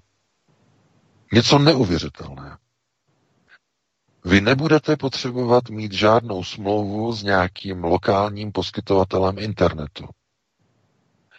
Vy si koupíte globální planetární internet na webové stránce Elona Muska. A můžete čerpat internet na celém světě. Můžete čerpat v Praze a můžete čerpat i na severním pólu. Můžete čerpat e, na Madagaskaru, můžete uprostřed Sahary, uprostřed pouště, kdekoliv a nebudete vázaný vůbec na žádné lokální národní providery, kteří tím v tom okamžiku budou mít obrovský problém. Protože data začnou proudit přes planetární síť Elona Muska. Teď kontrolní otázka pro naivní. Co asi tak s těmi daty, s těmi informacemi a metadaty, tedy informacemi o datech, bude asi tak globalista Elon Musk dělat? Co asi tak? Sledování, vyhodnocování, pohyb člověka v rámci digitální ekonomiky, v rámci planetárního systému, elektronického, globálního řízení. Takže to je jenom ukázka toho, že mají všechno připravené. Mají pilotní projekty spuštěné. Globalčiky. Plně na tom pracují. A jakmile tohle bude spuštěné, jakmile Starlink bude spuštěn, to se dá přirovnat doslova ke Skynetu, ten Starlink, tak jakmile to bude spuštěno, nebude nic bránit ke spuštění celosvětového sociálního kreditu, dámy a pánové. Celosvětové. Protože když bude celosvětová komunikační síť, budou rozšířeny pozemní 5G sítě, bude digitální ekonomika, bude nepodmíněný příjem, bude bankovní identita, budou všichni sledovaní, všechno, všechno bude monitorované, tak v tom okamžiku právě přijde chvíle na zavedení sociálního kreditu. Sociální kredit bude vás sledovat od narození až do smrti. Co uděláte? Co jste řekli? Co jste napsali komu? Do e-mailu, do chatu, do Skypeu, na Facebook, na Twitter, eh, úplně jedno kamkoliv, co jste řekli na Skypeu, co jste řekli na Zoomu, co jste řekli do svého mobilního telefonu, s kým jste se setkali, koho jste si pozvali domů, s kým jste se setkali v kavárně, s kým jste se stýkali, co jste komentovali, co jste olajkovali? A co jste neolajkovali, kam jste se dostavili, kam jste se nedostavili, jak jste se vyjádřili k této věci, k tamté věci, jestli jste odsoudili někoho, koho jste měli odsoudit, anebo jste vyjádřili sympatii někomu, k komu jste měli vyjádřit, nebo jste nevyjádřili. Všechno bude hodnocené v kreditním systému. A ten kreditní systém bude propojený s vaší bankovní identitou, s vaším nepodmíněným příjem, elektronickým nepodmíněným příjmem. A protože jste něco špatného olejkovali, tak na 24 hodin si nebudete moci pustit Netflix za trest, protože vám to odpojí. A nebo si pět dní nekoupíte své oblíbené lahváče. Chápete? Takže systém totální kontroly je stavebnice, která je budována, sestavována různými lidmi v různých zemích, různými uh, organizacemi, různými společnostmi, které zastřešují, ale ve skutečnosti všichni pracují na stavbě jedné babylonské stavebnice, kdybych to měl takhle přirovnat. To znamená obrovského globálního monstr Frankensteina, který ovšem bude mít jednu charakteristickou vlastnost. Ta stavba nikdy nebude dokončena. Stále v ní budou problémy a stále na ní se bude pracovat. Stále tam totiž budou mouchy, stále tam budou potížisté, stále tam budou nedostatky, stále se budou muset přijímat opatření.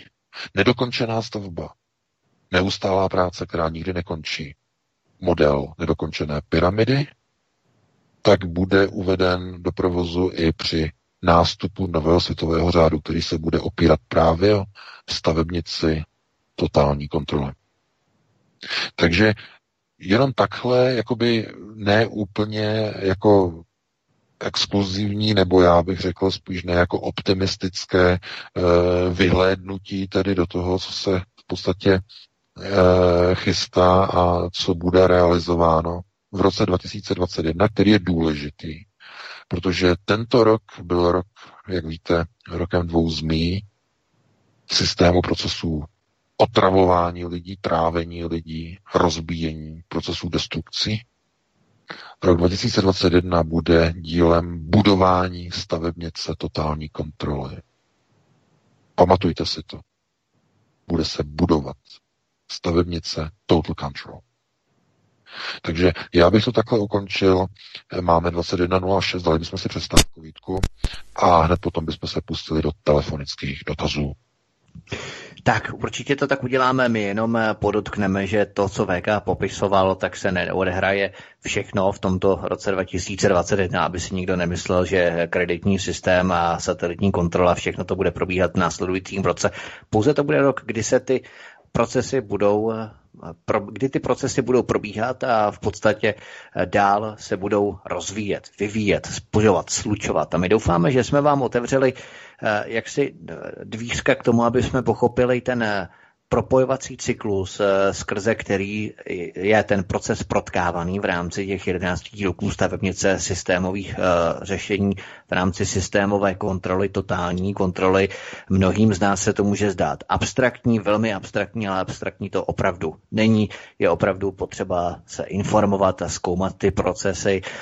A my právě se snažíme to, abychom ty procesy nevnímali odděleně, ale abychom je opravdu slučovali do logické sousledné řady po sobě jdoucích procesů, které právě probíhají, které jsou kolem nás.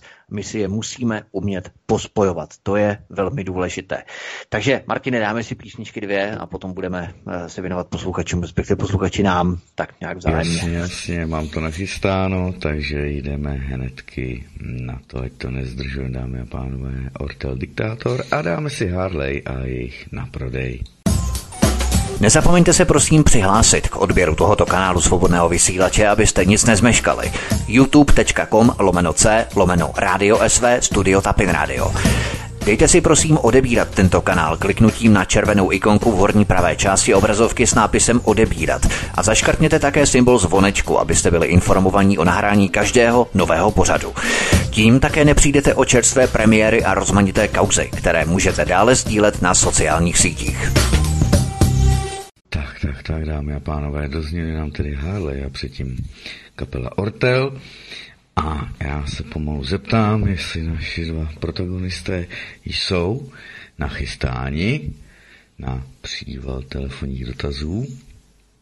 Ano, já jsem tady, Martine, zdravím všechny. Hodně. Ano, čekáme, čekáme na lidi. Super, super, super trooper. Vy čekáte a lidi byli nedočkaví, takže teď už je při, přizvu k tomu, aby nám tedy zavolali na telefonní číslo, oni ho už jistě znají to nové, protože to tady vyzvánělo pět nepřijatých hovorů během dvou písní. 603 819 899 do studia v Karani.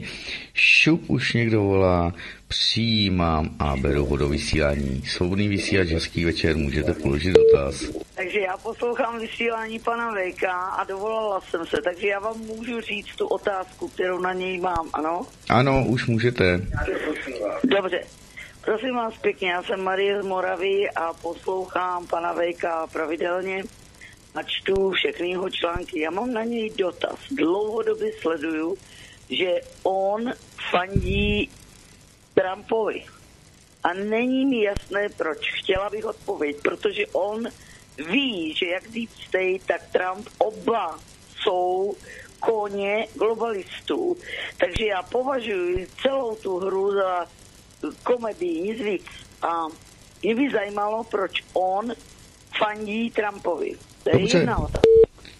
Druhá otázka je to, eh, jestli někdy zvažoval eh, zveřejnit to, že lidi můžou všechno, celý ten systém zhodit, když se vzdají, vzdají se mobilu, internetu, všech eh, karet, prostě ten systém zhodit jde.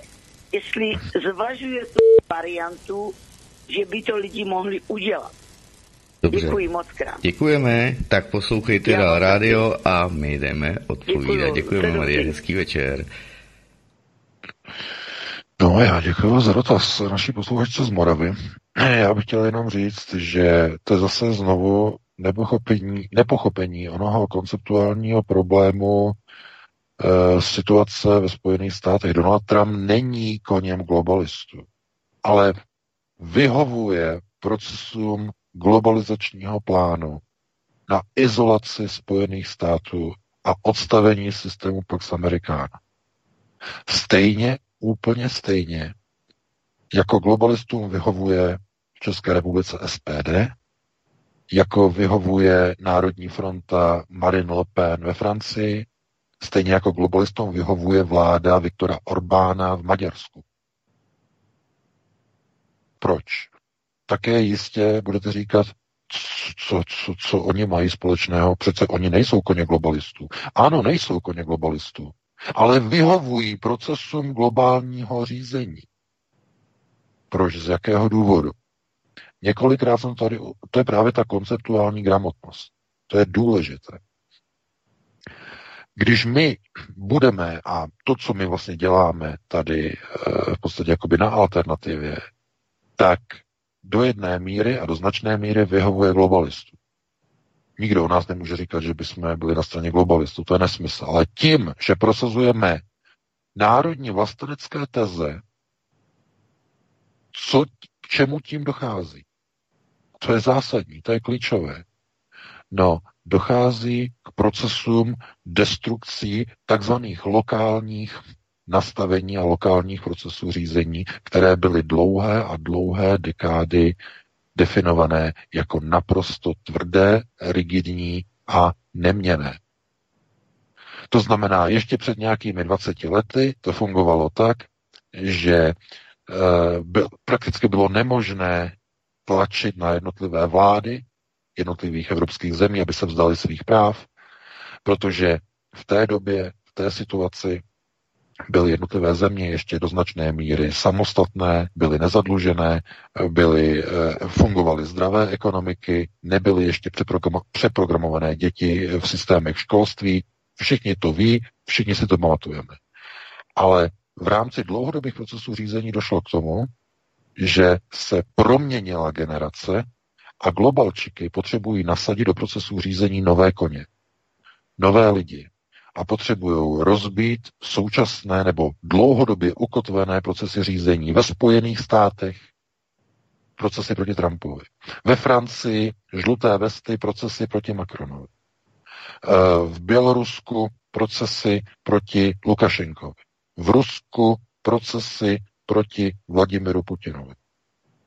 Tohle to všechno je součást onoho globalizačního plánu, kdy národní procesy, které v podstatě vyzývají k tomu, aby jednotlivé země měly opět národní teze, aby opět vlastenecky se prosazovaly jednotlivé eh, v podstatě, v podstatě teze a jednotlivé procesy řízení, tak tím prosazujeme národní stát. Ale k čemu tím dochází?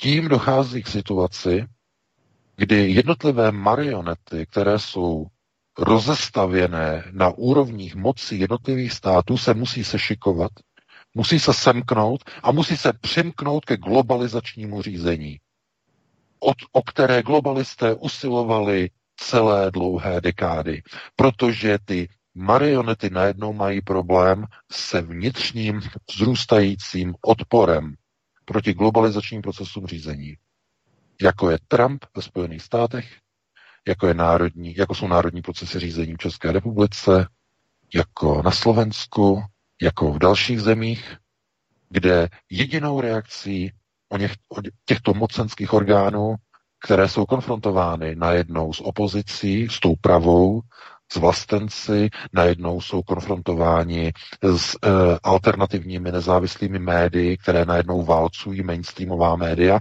tak co oni dokážou udělat? Oni dokážou pouze začít volat o pomoc Evropskou unii.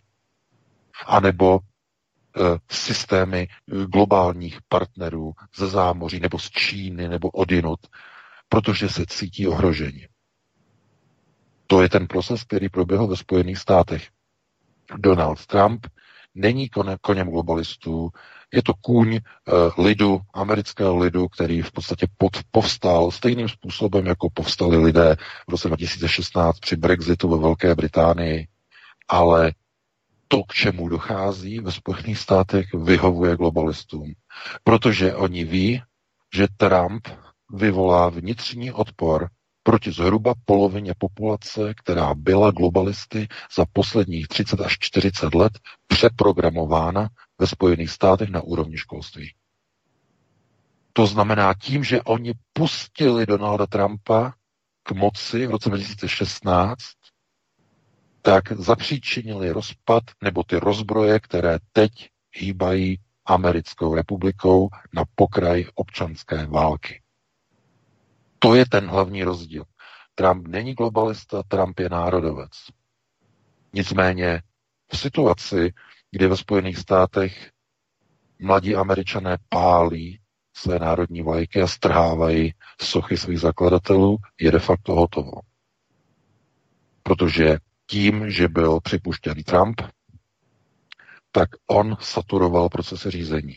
To znamená, globalisté pomohli Trumpovi, aby dovedl Ameriku do stavu, kdy takzvaně obrodí Spojené státy, obrodí vlastenectví, obrodí patriotismus, což ovšem vyvolá prudkou alergickou reakci těch kádrů, které právě globalisté vychovávali posledních 30 let ve Spojených státech. Jinými slovy, je zaděláno k občanské válce.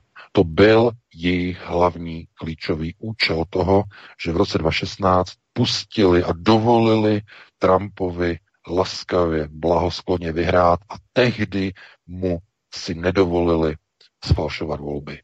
Ale teď, po čtyřech letech, cítí, že v roce dvou zmí, že už by mohlo být takzvaně ve Spojených státech upečeno, připraveno a jenom stačí škrtnout sirkou. To znamená udělat ten poslední krok, aby polovina Američanů povstala proti prezidentovi, uh, buď který nebyl falešně protlačen, anebo proti prezidentovi, uh, který tomu druhému volby ukradl. To je ten zásadní rozdíl. Proto podporujeme Trumpa, logicky musíme podporovat Trumpa. Kdybychom ho nepodporovali, tak by to znamenalo, že nemůžeme podporovat ani žádné národní eh, teze, národní vlastenecké procesy řízení, protože ty povedou v jednotlivých zemích ke stejným procesům jako ve Spojených státech, akorát nebudou tak brutální, budou pouze katalyzační. To znamená, eh, že ty národní procesy vedou zkrátka k tomu, že ve společnosti štěpí národ na to zdravé jádro a na ten zbytek, který je globalizovaný, přeprogramovaný a v systémech globalistického školství přeprogramovaný. To čeká všechny země. Proto my nemůžeme jít proti Trumpovi, protože bychom museli jít logicky proti, sami proti sobě. A ještě paní odpovím na tu druhou otázku, že lidé by mohli položit systém, pokud by zrušili mobily, platební karty a tak dále. Tohle to je hodně naivistické, protože jak potom zaplatíte teda za nákup v tom obchodě, kde vám řeknou, uh, sorry, my neakceptujeme hotovost. A řeknou vám to ve všech obchodech ve vašem městě. Protože to proč? Protože to bude nařízené zákonem za pár let, kdy bude vyřazena hotovost jako legální platidlo. Čím nakoupíte, čím zaplatíte? To znamená, úplně se odpojíte od systému, nebudete vůbec závislá na systému, ani na elektřině, kterou taky budete muset platit elektronicky, kartou nebo účtem. E, takže úplně se odpojíte od gridu, takzvaně. A máte na to? Máte na to sílu, máte na to prostředky, máte na to odvahu, máte na to kuráž. Eh, já si nejsem jistý, že tohle je konceptuální řešení pro otázku národního přežití jednotlivých vlastenců.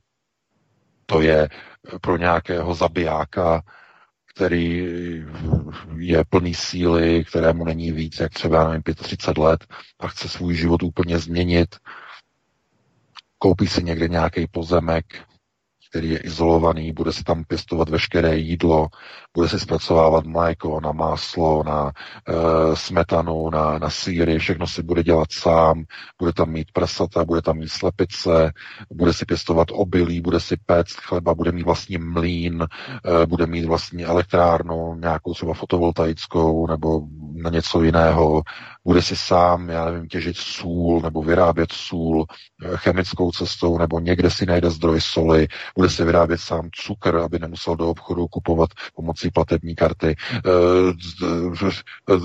nedovedu si představit, kdo by tohle to dokázal eh, sám, jako by v prvobytně pospolné společnosti zajistit. To je, je naprosto iluzorní. Ten systém to udělá, pokud budou chtít. A ne, že budou chtít, to je v plánu. To je v plánu. To znamená, vezmou hotovost a donutí lidi být na elektronickém systému. A pokud jde o to odstranění mobilních telefonů, znovu, ano, můžete si odstranit mobilní telefon, ale bez toho mobilního telefonu eh, vás nepustí třeba do toho obchodu, kde budou vyžadovat ověření digitální identity. A to s sebou nese další problém. Nemůžete existovat bez bankovního účtu, protože k tomu právě bude potřeba bankovní účet. A k otevření bankovního účtu potřebujete, víte co, mobilní telefon. Uzavřený kruh. To znamená, já bych jenom paní chtěl říct, že se to představuje velmi jednoduše. Tohle, z, toho té, z tohoto se velmi těžko dá vybruslit. Ano, zabiják, člověk, který je zabiják, eh, může všechno. Může, když má prostředky, může si koupit ostrov, tam se izoluje, všechno si bude dělat sám, ale to přece nemůžeme požadovat po uh, stovkách tisíc uh, vlastenců v České republice nebo na Slovensku nebo kdekoliv jinde to by byla utopie, nebo a do, do značné míry spíš dystopie než utopie. Takže takhle by na to reagoval, no a dáme prostor dalšímu volajícímu. Tohle to bylo delší, já se omlouvám, musíme dát prostor dalšímu volajícímu. Já bych jenom podotknul, že i my jako svobodný vysílač, i Aeronet funguje elektronicky na báze internetu a lidé se nám dovolávají také přes mobil, takže to by bylo velmi pokrytecké si tohle myslet. A pojďme na dalšího posluchače. Jdeme na to. Halo, halo, svobodný vysílač. No, dobrý večer. Dobrý večer. Tady je u Bošnembursku. Já jsem se chtěl zeptat, nebo prvně jsem chtěl pozdravit Martina, eh, Vítka a pana VK. Děkuju za krásně depresivní povídání dneska. Chtěl jsem se zeptat a zároveň eh, navázat na paní, která vlastně volala přede mnou. Že vlastně uh, budou vznikat ohniska odpor, protože ty lidi si to nebudou už chtít nechat líbit to, co, o čem pan VK mluvil, ty všechny ty represivní a bankovní identity a represivní akce. A že lidi si budou hledat úplně úplně jiný způsoby e, nějakého nakupování, třeba vyměňovat, vrátí, vrátí se lidi k barterovým e, měnám, že jo, budou, když bude mít zakázaný někdo cukr, někdo to a někdo zase lahový, tak to mezi sebou vlastně vymění, že ten, kdo to zakázaní, tak to poskytne někomu jinému, no a samozřejmě to, ten odpor podle mě bude stílit a já nevím, taková obrana proti tomu, co se děje, jsou třeba diverzní jak to na přenosový soustavy elektrické energie, aby jim nefungovaly, nebo na 5G aby jim nefungovaly tyhle ty systémy, a nebo potom se rozdělí společnost na dvě skupiny, kdy lidi vlastně budou akceptovat tenhle ten systém a druzí lidé, druzí lidé prostě se budou se stěhovávat do oblastí, kde je to nezasáhne.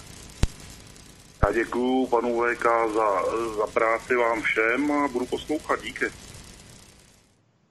Taky zdravíme do Nymburka. Já bych chtěl jenom podotknout, že puste si mainstream, tam máte opravdu depresivní povídání. My se snažíme poskytovat informace, propojovat skutečnosti, vazby, souvislosti a tak dále, tak jenom abychom si ujasnili, co to znamená ta deprese vůbec. Ale VK, půjdej. Já jsem rád, že pán takhle na to reagoval. To přece nikdo nespochybňuje tak to přesně bude. Budou vznikat ohniska odporu, lidé přejdou třeba i na bartrový obchod, ti, kteří, ale pozor, ten barter nenahradí situaci, že se k tomu nedostanete, protože budete ignorovat platební systémy. Někdo v tom barteru bude muset být ten, kdo bude uvnitř systému kdo bude moci nakoupit ten cukr, bude moci nakoupit tu naftu, ten benzín, bude moci nakoupit to zboží, které se nedá, vypěstovat uh, své pomocí na poli. Uh, to znamená, někdo stejně bude i v tom systému závislý na tom systému a bude se utajovat a bude to nějak prostě zakrývat. Ale o to přece nejde. Tohle to pouze potvrzuje systém nedokončené babylonské věže. Ti globalčici budou právě bojovat proti tady těm ohniskům odporu natrvalo. Neustále, pořád. Protože pořád nebude stoprocentně hotovo. To je ten model té nedokončené pyramidy. To je ten model nedokončené babylonské věže. Proto tohle je třeba pochopit. Ten systém jedenácti je symbolikou oné nedokončené práce, unfinished business. To je ono. nedokončená práce, která nikdy nejenom, že nemůže, nesmí skončit. Proto globalisté mají ty symboly nedokončených věcí. E, fotbalová jedenáctka mají symboly, na, e, že jo, ve Štrasburgu nová budova Evropského parlamentu, která symbolizuje nedokončenou babylonskou věž, na co se podívejte na internetu na obrázky ve Štrasburgu Evropského parlamentu, symbol nedokončené babylonské věže, to znamená, oni to mají všude na amerických bankovkách, že věž, nedoko- teda věž, pyramida nedokončená eh, s tím okem nahoře. No jistě, to je, to je klasika, i když u těch iluminátů ten symbol toho vedoucího oka měl trochu jiný přesah. Ale ta nedokončenost je společným konceptuálním prvkem, jak globalčiků, tak i těch tedy, eh, kteří se nazývali a dodnes vlastně se nazývají jako ilumináty, v podstatě jakoby taková ta světská moc uh, Vatikánu. Jo?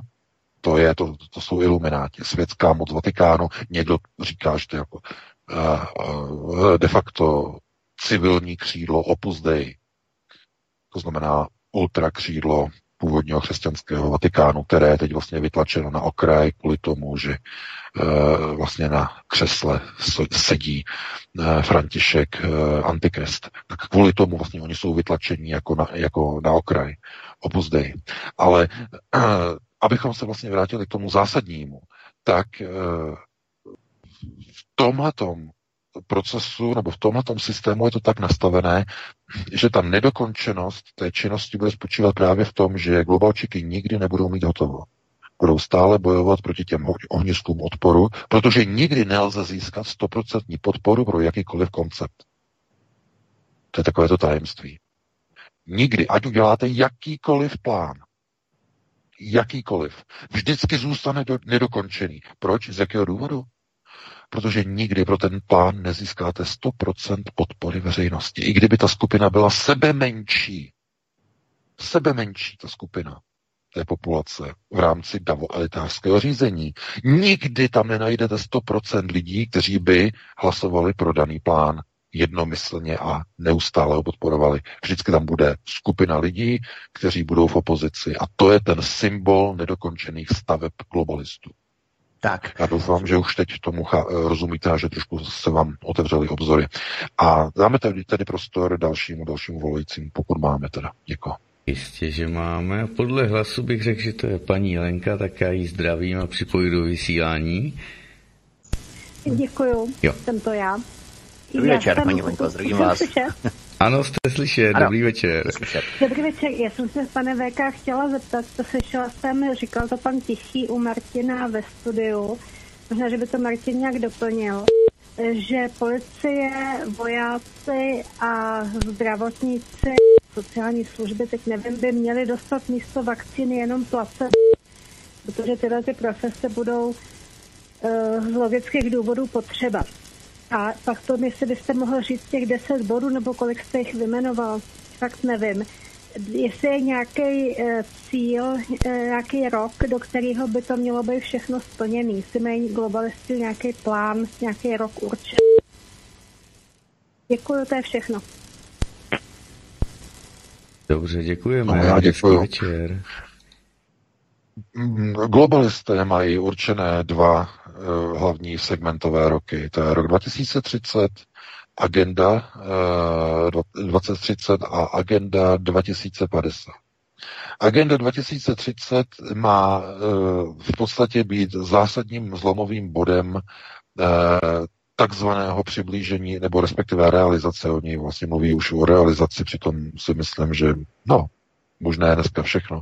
Ale to přiblížení spočívá v tom, že eh, měla by být nulová uhlíková stopa v roce 2030, minimálně v Evropské unii, ve Spojených státech a řekněme v globálních celcích.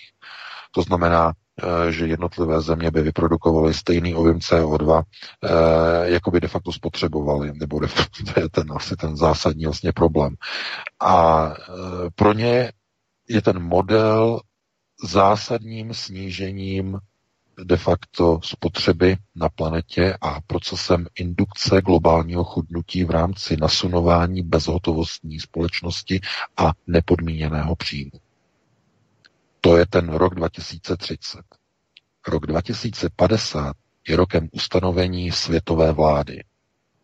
Jednotné světové vlády, kdy skončí jednotlivé národní státy. Ten rok je mnohem důležitější než eh, ten rok 2030. Ale do toho roku 2050 eh, oni mají několik ještě mezistupňů. Eh, rok 2040 je zákaz Eh, Merkel, Merkelová to sice chce jako posunout o pět let dřív, do roku 2035 zákaz eh, prodeje eh, a výroby eh, a používání aut eh, se spalovacími motory v roce 2035 na, území, Evropské unie. Eh, to znamená, od dnešního dne nějakých 15 let ještě by jezdila auta se spalovacími motory a od roku 2035 by byla zakázána nejenom nová auta, že by se už nevyráběla, proto už bude daleko dřív, ale eh, ani stará auta bazarová se spalovacími motory po roce 2035 už by se nesměla používat nikde v provozu na území Evropské unie. To je takový ten mezistupeň. Další stupeň, velmi zásadní, klíčový, ten by měl být někde okolo roku 2040, eh, by mělo být v podstatě eh, de facto to, čemu oni říkají někomu to říká jako, eh, jako nulová emisní stopa, de facto spočívající v tom, že jednotlivé státy by neměly samostatnou energetickou samostatnost nebo soběstačnost, ale de facto veškerá energie by se vyráběla jenom ze zelených zdrojů, jako je vítr, jako je slunce, jako jsou různé uh, uh, termické prameny, to znamená termální zdroje, uh, zkrátka různé způsoby ekologického vyrábění energií, což samozřejmě by vedlo k nedostatku elektřiny, se kterým se počítá, to znamená, protože elektrická kWh se v budoucnu má stát e, konvertibilní měnou, za kterou se de facto, e, která de facto může nahradit e, dnešní současné měny, které známe. Má to velkou spojitost se zavedením takzvaných kryptografických platebních systémů. Ty potřebují ke svému běhu elektřinu na výpočetních farmách, kde se eh, takzvaně hashují jednotlivé transakce, znamená jednotlivé kryptografické měny.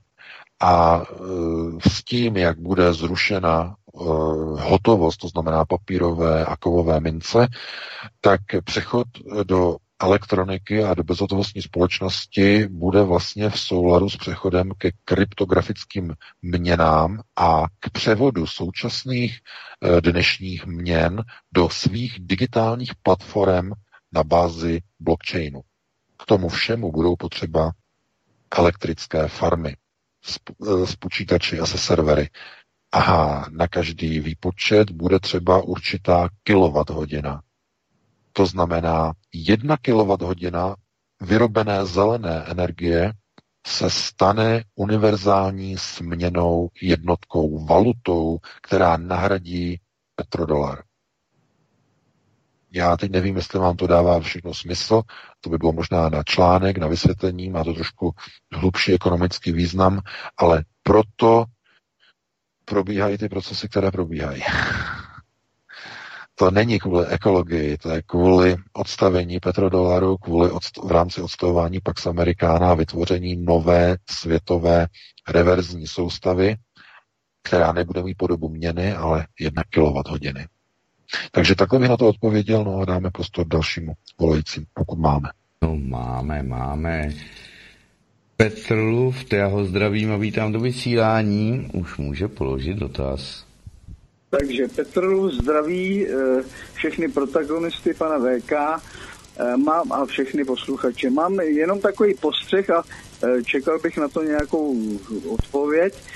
Jedná se o to, vrátím se teď k té situaci okolo vakcinace, testování a tak dále, hlavně ta vakcinace. Je tady jedna osoba významná, teda velice významná, jak pro systém, tak hlavně pana, pro pana premiéra, a to je pan Primula, to už jste tušili, že to vysknu to jméno. Pan Primula eh, postupoval z daleké minulosti, ale to nebudu zmiňovat. A teďko eh, v poslední době byl jednak eh, zmocněncem vlády pro vědu a výzkum, pak byl ministrem, pak byl úzkým poradcem pana premiéra a teď mu byla nabídnuta funkce zmocněnce vlády pro vakcinaci. A ejhle pan Primula cuknul. No, proč cuknul? No asi tuší velký průser. Ano, Takže ano, nechce, aby, ano. protože on už má svý prebendy hotový z, z minulosti, z, z blízkého času, takže teďko ale, protože není hloupej, tak zavětřil, že se blíží totální průser s vakcinací, tak to by nejradši přenechal někomu jinému, tak prostě panu premiérovi ve slušnosti to odmít. Myslíte si, že to je špatná myšlenka, nebo to má racionální základ?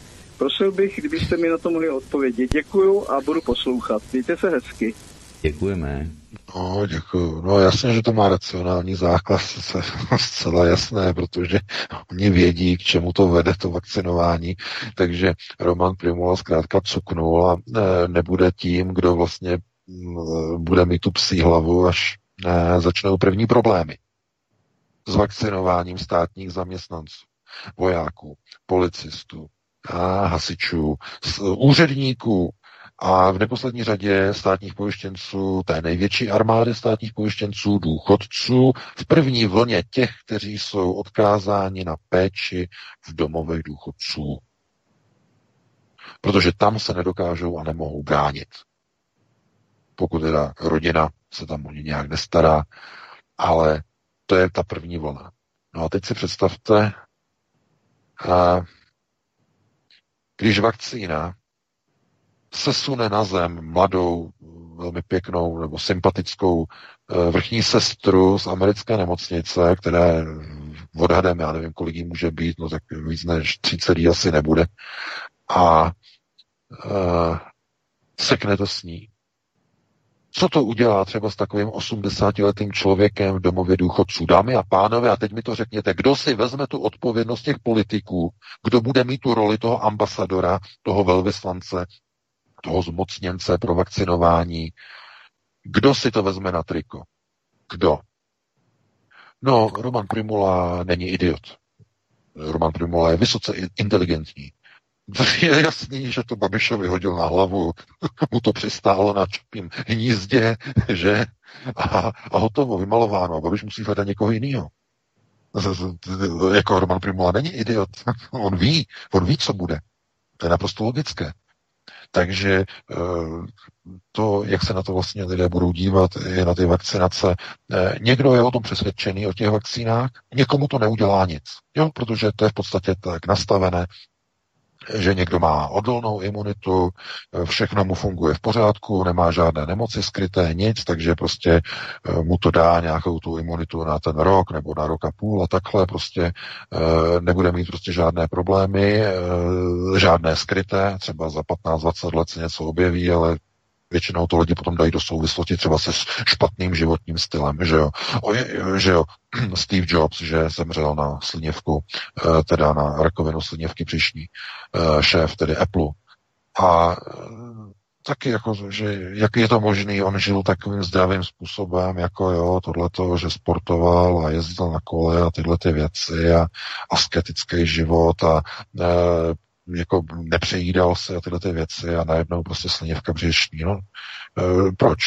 No on byl známý jednou věcí, že on, že on se vlastně nechával pravidelně testovat vakcínou proti chřipce. Tím byl vyhlášený Steve Jobs.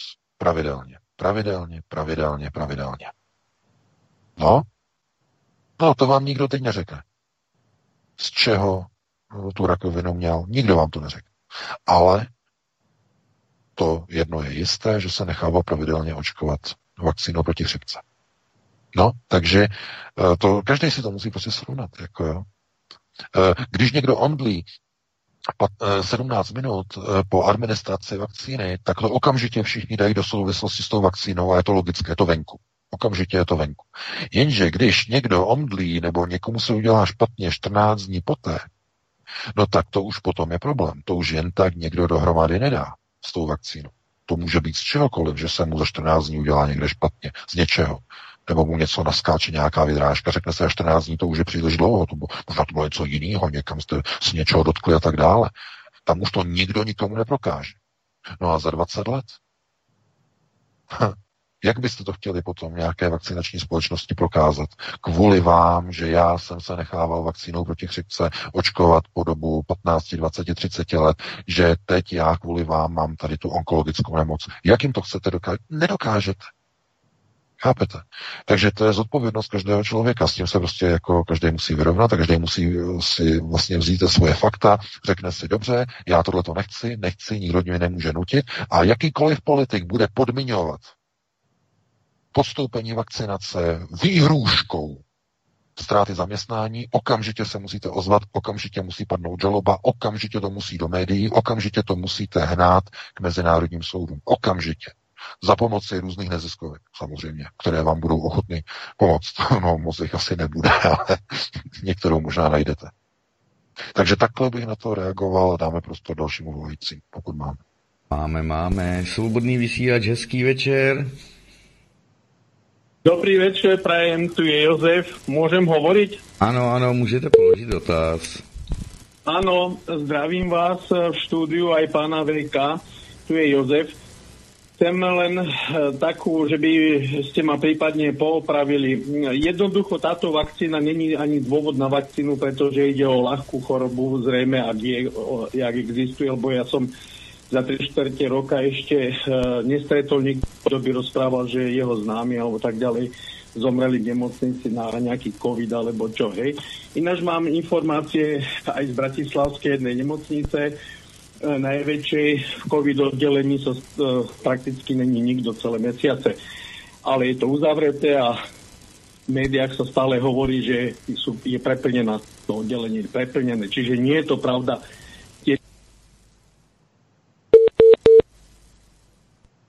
Tak, spojení nám zřejmě vypadlo. Jo, jo, jo, to jsem nečekal.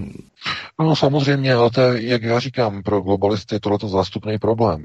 Oni, kdyby si zvolili jinou nemoc, třeba, nevím, eh, třeba průjmy, že jo, nějaké infekční průjmy, tak by všichni prostě chodili, já nevím, s toaletním papírem a eh, s nějakým kyblíkem a museli by držet sociální odstupy a já nevím. Oni si vybrali zkrátka tuhletu konkrétní, eh, tenhle konkrétní model si vybrali, vypustili ho, eh, vypustili ho ve Wuhanu, tam to odpálili, tam eh, jasně, proč to udělali, z jakého důvodu? No oni potřebovali vyvolat paniku a potřebovali ji inicializovat a spustit v nějaké zemi, která bude jako důvěryhodná, že tam to vzniklo. No tak to odpálili ve Wuhanu v Číně. No a odpálili to tam, no a tam, tam to vypadalo. Ta první vlna. No však Rusové, ruská tajná služba ta uh, usilovala okamžitě od ledna usilovali o získání eh, vzorku uh, toho viru, té první vlny, znamená nezmutovaného vzorku. Ano, proč? Z jakého důvodu? No ano, vědí to naprosto jasně, že pochází z vojenského výzkumu, že se jedná o předmět eh, v podstatě biologické, taktické zbraně. To je naprosto jednoznačné, jednoznačné. Ale ty následující zmutované variace toho viru, teď v Evropě už nějaká 22. 23. tak už nemají tu mortalitu, jako měli v té nulté iteraci, v, té, v tom původním originále, eh, v tom Wuhanu. To je dneska už něco jiného, to má menší mortalitu, než má chřipka. Ale to není důvod k tomu, aby něco globalčiky měnili na svém plánu vykreslování té e, virózy jako něčeho, co je strašně smrtelné. Proto v tom podvodu jedou vlády jednotlivých zemí, jedou v tom neziskovky, jedou v tom organizace, jedou v tom lékaři, eh, jedou v tom epidemiologové, eh, jedou v tom média, jedou v tom velké sociální sítě, že globalistické, všichni v tom podstatě jedou, protože všem to vyhovuje v onom systému nasunování totální kontroly. To znamená, jeden z těch konceptů, který oni mají, je prostě řízení na páté prioritě a všechno tohle, co vidíme, je všechno postavené okolo páté priority, priority chemicko-biologické. To znamená řízení nad populací na základě biologické záminky viru. Takže takhle bych na to vlastně reagoval. Dáme prostor dalšímu uh, volajícímu, pokud máme na to. Tak eh, poslední dotaz na pane VK v roce 2020. jo, ty jsi to takhle hezky uved. Dobře, jdeme zapojit. Halo, halo, svobodný vysílač, hezký večer. Ano, tak tam jsem? Ano, už tam jste, už můžete položit uh, dotaz. Dobrý večer, zdravím všechny do studia, tady Jirka z Čáslavy jsem dlouhodobý posluchač vás všech, jak tam jste, Vítka i pana VK.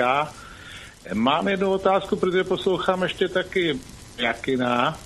Eh, v podstatě se vyhýbá poslední době odpovědi, kdo v USA vyhraje jako prezident, buď jeden nebo druhý, ale zásadní problém je zlom údajně eh, federálního soudu, který, kde tedy Pensylvánii žaloval, žaloval stát Texas plus teda 21 dokonce států a oni to zmetli ze stolu. V podstatě ten federální soud, ačkoliv tam má poslední asi tři volený federální soudce od Trumpa.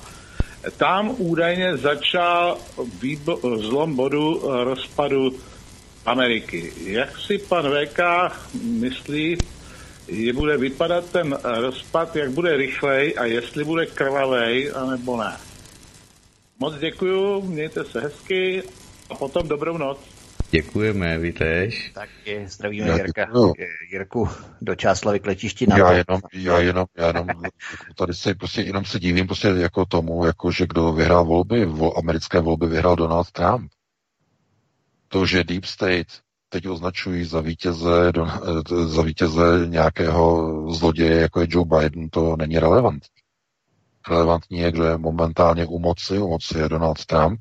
Donald Trump vyhrál volby a e, všechny důkazy jasně ukazují, že vyhrál e, minimálně, minimálně způsobem větším než Ronald Reagan v roce 1984. To, o čem my teď se tady bavíme, je o tom, jestli Donald Trump dokáže zabránit této krádeži jeho volebního vítězství. To, jako, to prostě potom jako tady nerozumíme, pokud tady budeme uvažovat jenom na sekundu, že Joe Biden vyhrál volby legitimním způsobem, to znamená, že on vyhrál volby a že američané se nějak semkli a dali mu 80 milionů hlasů, no tak to můžeme potom na alternativě úplně skončit. To potom můžeme si zapnout českou, hezkou, že televizi a poslouchat. To je naprosto nesmysl. Takže je třeba se na to dívat eh, vlastně z toho pohledu, že eh, všechno vlastně to, co jsem já vysvětloval vlastně o globalistech, proč jim to vyhovovalo, aby Donald Trump se dostal k moci v roce 2016, tak mu umožnili tehdy proti němu nesfalšovali. Teď se jim zdá, že nějakým způsobem uh, je už připravená situace, že teď už by mohla být spuštěna občanská válka. No a kdy k tomu dojde, jestli tomu dojde uh, za Trumpovy vlády, eh, nebo v situaci, kdy se Deep State podaří tedy tyto volby definitivně ukrást a 6. ledna by se to nepodařilo zvrátit, tak tam bych se obával, že tam vypuknou protesty hned několik hodin následně po 6. lednu. Do jaké míry, to bychom teď věštili z křišťálové koule. No a e, ta druhá část toho dotazu, Vítku, to byla která, to jsem už zapomněl. já nevím, jestli on, ty dotazy byly tak propojené, že já nevím, jestli tam vůbec nějaká druhá část byla. Myslím, že ne. Martine. Já si nespomínám. Já jsem to no, taky vnímal jako jeden celek. Dalšímu, ještě dalšímu voličím, pokud máme, tak ještě jednomu dáme. Jo, tak počkat. McKenzie, tak takže vyzýváme. Jestli se vůbec někdo dovolá, protože bychom tak jako avizovali, kdo bude poslední No, dotaz. tak já jsem, já jsem teď ani na mobil nekoukal, tak, se, tak počkat. Uvidíme, jestli se nám někdo ozve. Když tak někdo z těch 25, který jsou zmeškaný anebo odmítnutý. Ono to tady pípá, když volá druhý, druhý volající, tak nevím, tak to tady vždycky pak ručně odmačkávám, aby to nešlo do vysílání. Ale, ale já myslím, že už máme desátou hodinu, tak bychom se mohli hmm. pomalu začít loučit to taky bude nějakou dobu trvat. Pokud nikdo nevolá, pokud nikdo nevolá, tak uh, se můžeme rozloučit. Uh, já teda uh, vám teda přeju všem krásné prožití vánočních svátků. Pěkně si to užijte, hlavně neviděšte nebo neviděste Ježíška, který přijde prostě s nějakým tím náhubkem a přijde s nějakou tou rouškou a přijde s dezinfekcí a bude žádat sociální odstupy, tak možný je už dneska úplně všechno, tak si to užijte, snažte se nějakým způsobem v rámci té rodiny mm, si vzpomenout tedy na to, jakým způsobem dříve v před mnoha, mnoha desítkami let e, probíhaly vánoční svátky a jaké je to třeba dneska. V této chvíli, v této době, kdy režim pod jakoukoliv rouškou, jakoukoliv záminkou se snaží zamezovat setkávání lidí o božím svátku, narození Krista, jestli tohle to je ten limit, kdy už lidé řeknou ne, to stačilo, to už nedovolíme. A nebo jestli to bude pokračovat. Takže do těchto krásných svátků já vám přeji hodně štěstí, hodně e, dárků, hodně zdraví. Rovnou to vezmu z jedné vody na čisto do nového roku. E, především hodně úspěchu a pokud možno to velké přání, aby ten rok 2021 nebyl horší násobně, mnohonásobně, než rok dvouzmí 2020.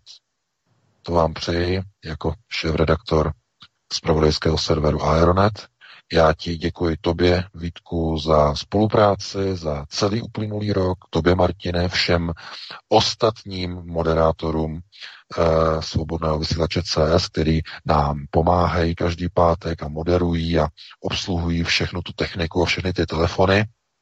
No a pokud si najdete čas eh, i v příštím roce na nás, tak nás můžete poslouchat eh, v novém čase vysílacím od 19.15 každý pátek a první vysílání 8. ledna v tomto čase opět se uslyšíme a probereme novinky z domova i ze světa. Proto já vám přeji pro tuto chvíli a pro toto nastávající období krásné Vánoce, krásný nový rok a pro tuto chvíli přeji krásnou dobrou noc. S panem VK už vysíláme od října 2017 VK, pokud eh, to je, nevíš, nebo si to třeba nějak zapomněl, máme eh, něco kolem 160 pořadů. Já jsem tady právě si dal označit ty soubory ve složce, které tady mám a vysíláme zhruba 160 pořad eh, od toho října 2017, takže tolik od nás. VK, my ti moc děkujeme za tvé páteční analýzy, i syntézy a pořady, všechny veškeré komentáře politické i metafyzické a jakékoliv další. A je to samozřejmě potřeba propojovat, což jsme snažili se učinit i dnes. Já jenom mě nezbývá nic jiného, než také popřát všem krásné a veselé prožití vánočních svátků, ať jsou vaše Vánoce plné úsměvů, plné lásky, až budete podnikat návštěvy za vašimi příbuznými 25. 26. prosince prosím, v kruhu rodinném, pokud opravdu posloucháte alternativu a pokud máme nějakým způsobem i našimi názory ovlivňovat eh, ty, kteří nás poslouchají, vykašlete se na roušky, pošlete do kytek veškeré vládní nařízení ohledně nošení roušek, ohledně setkávání. Teď jsem zase zaznamenal, že se mají snad tři, maximálně tři dospělí lidé setkávat eh, v rámci návštěv příbuzných a tak dále. Podobné ptákoviny, vykašlete se na to, pošlete je všechny do kytek. Opravdu je potřeba, abychom se eh, slučovali v tom individuálním i kolektivním názoru alternativy platformy, na které fungujeme. To znamená, že pokud vůbec má to naše vysílání k něčemu být, vykašleme se na roušky, usmívejme se na sebe, buďme šťastní, protože o tom vlastně celý náš veškerý život by měl být. Eh, nenechme si vnější nějaké vládní nařízení pronikat do našich vnitřních kruhů, do našeho vnitřního uspořádání rodin, blízkých přátel a kamarádů. Takže to by bylo všechno, já vás zdravím. Eh, další pořad proběhne 8. ledna od 19.15, tedy nově, já to ještě přepíšu po vysílání do programu. Eh, Martine, tobě taky děkuju za vysílání jako i Petrovi, Helence a všem moderátorům, se kterými vysíláme, se kterými se střídáme eh, každý pátek. No a já se s vámi budu loučit. Eh, v pondělí ještě od 19 vás čeká pořad s Miloslavem Souškem, který žil 11 let v Číně, přes 11 let v Číně. Ten má taky docela zajímavé informace o covidu a o tom, jak se Číňané vlastně vypořádávali s covidem, protože tam už ve větších městech chodí bez roušek, žádná druhá vlna tam není, neprobíhá, tak jak se Číňané mohli s tímto vypořádat. Velmi zajímavé informace, takže si to nechte utéct. No a Uh, my se s vámi loučíme, Martine, měj se krásně taky. A děkujeme vám za přízeň, děkujeme vám hlavně za vaše komentáře a sdílení. Hezký večer. Tak, tak, tak. Dámy a pánové, vám také tež. Všenej v kruhu rodinném, protože tak je to nejlepší. Rozloučíme se, Jirka čeká z párty, říkal mega pařba posledního, poslední teda, po, počkáte, dnes para, eh, ne, to není ono, Jirka se na vás těší, blablabla, s nějakou mega pařbou, nebo jak mi to, ano, mega pařba roku 2020, takže je nachystaný pojede asi do dvou, do tří do rána, takže se máte na co těšit taneční a taková ta hudba. Dámy a pánové, děkujeme za pozornost, v lepších časech na viděnou a jinak samozřejmě naslyšenou. Prosíme, pomožte nám s propagací kanálu Studia Tapin Rádio Svobodného vysílače CS. Pokud se vám tento nebo jiné pořady na tomto kanále líbí, klikněte na vaší obrazovce na tlačítko s nápisem Sdílet a vyberte sociální síť, na kterou pořád sdílíte. Jde o pouhých pár desítek sekund vašeho času. Děkujeme.